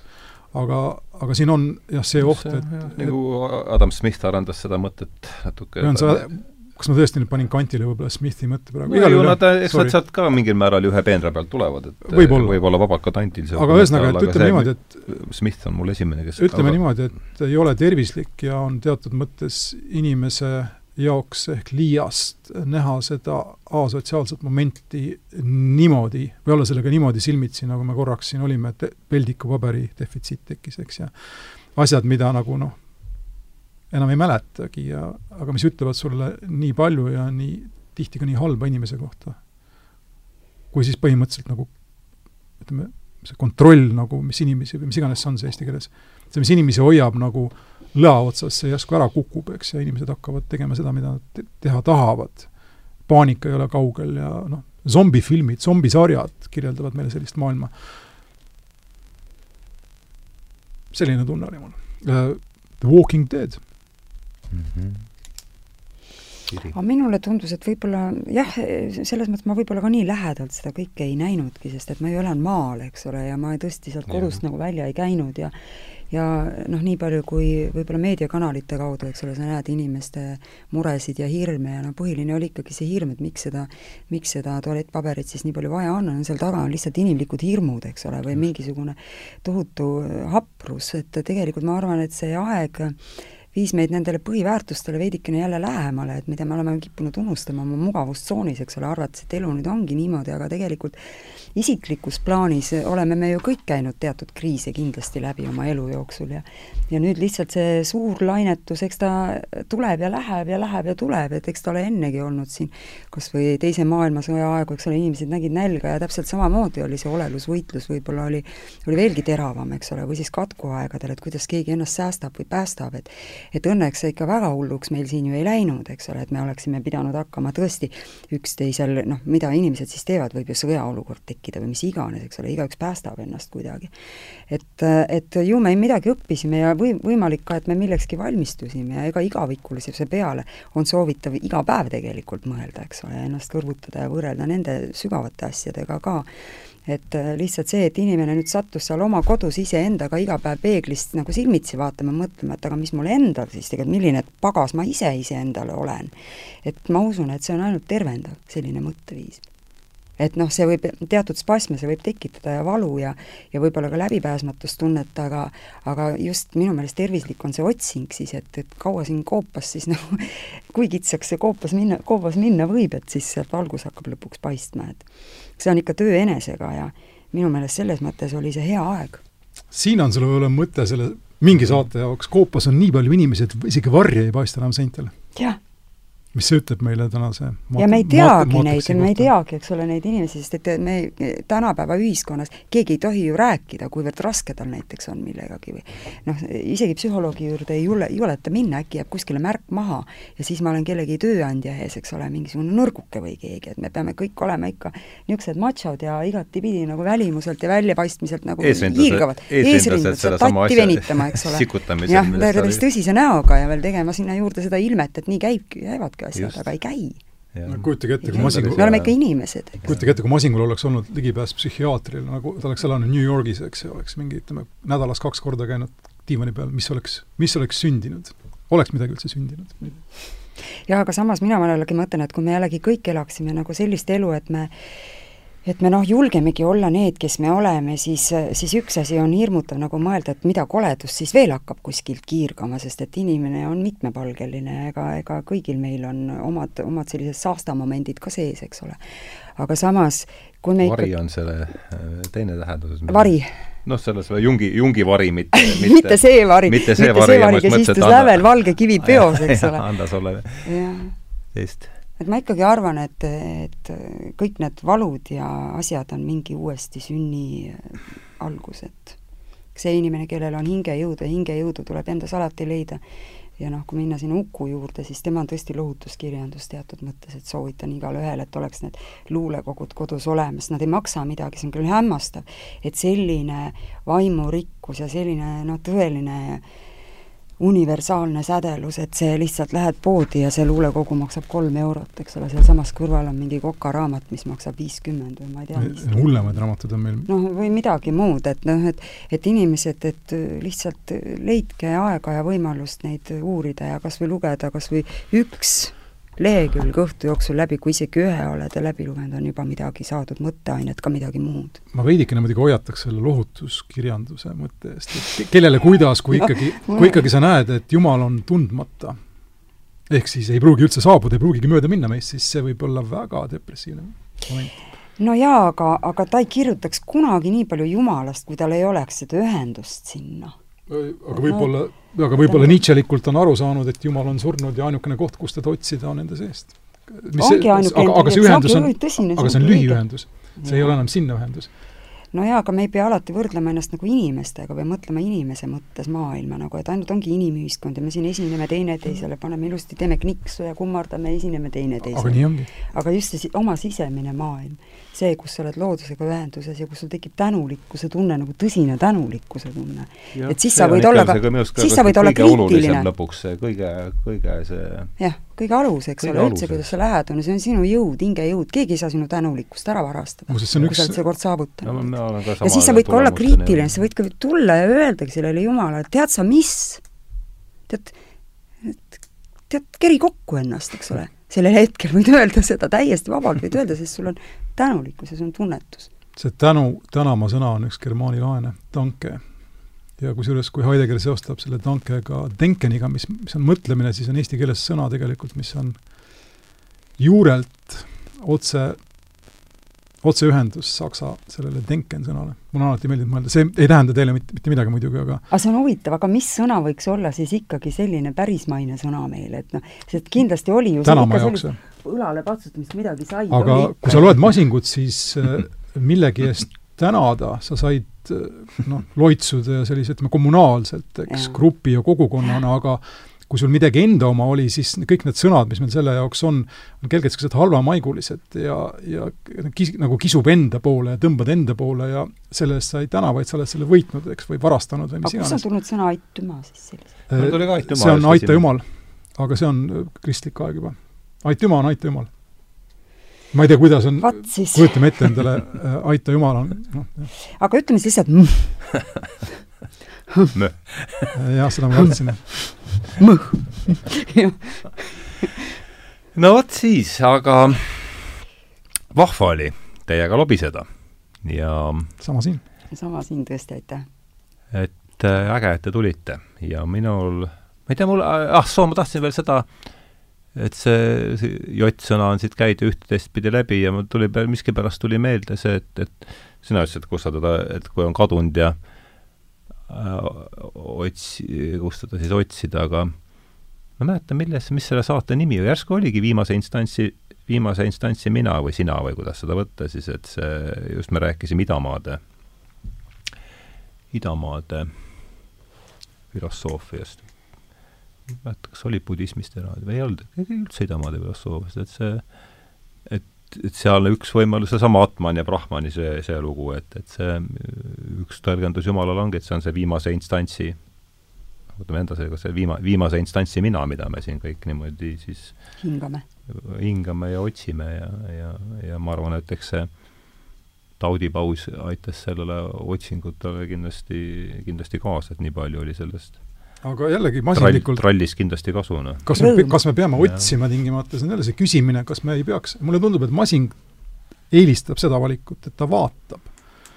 Noh, see no vaatab... aga kuni sa ei otsi, ikka üldse midagi ei otsi. noh, ütleme kas või mingisugusel tõesti on... algtasemel ei otsi, noh, siis on ikka ka aga need on nooremehe otsingud, aga kui ta hiljem juba jah, tema ise muidugi jah, tal jah, ei olnud enam tal oli kulgemine otsima. seal. noored peavad otsima, aga ja. kui, kui ta oli viiskümmend, kuuskümmend, siis mulle tundub, et ta sai aru, et et ega see on üks, üks tühi äh, töö ja vaimu on erinev. kuidas on Shakespeare'il see äh, mul ei tule meelde see Shakespeare'i tsitaat, põhimõtteliselt mõte on sama jah, et ähm, oh, see on Aga... otse-eetri needus, kui väga vaja on midagi võtta kusagilt, siis mul ei tule teda. huvitav, et sa Shakespeare'i tood sisse, mul ka ükskord noh, mõnikord ma ei oska üldsegi sõnastada neid asju, mida nagu näed või tunnetad või ei leia kohe nagu Sound and fury Sound, sig signifying nothing, nothing. jaa, see on Macbethist full of sound and fury, it's like a story told by an idiot, full of sound and fury. masing suuresti vaat- no,, vaatleb seda kõike. jah, seal on sellist kogujaliku touch'i on selles, see on puhas koguja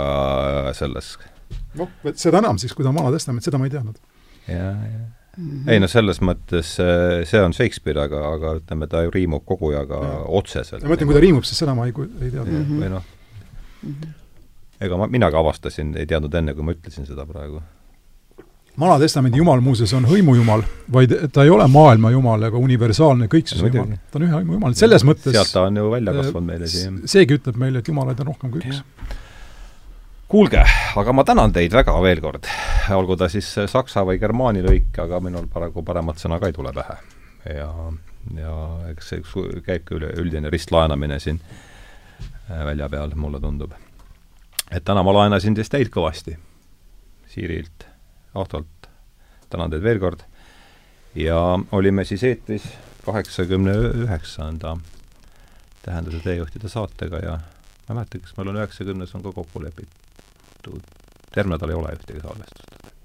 veel kord, suur tänu tulemast, rääkisime Uku Masingust ja näitan siis üle veel Siiri plaati, mis oli üheks tõukeks selle, selle no peamiseks tõukeks selle saate, selle saate väljamõtt- või idee taga, et oleme seda kuulanud mitu korda ja, ja kuulame täna õhtul veel, et aitäh teile ja head pärastlõunat! aitäh Ukule ka! aitäh, aitäh Ukule ka, kõige tähtsam, jah. muidugi. veidi hilja, aga aitäh! jah, nii et äh, abgemacht.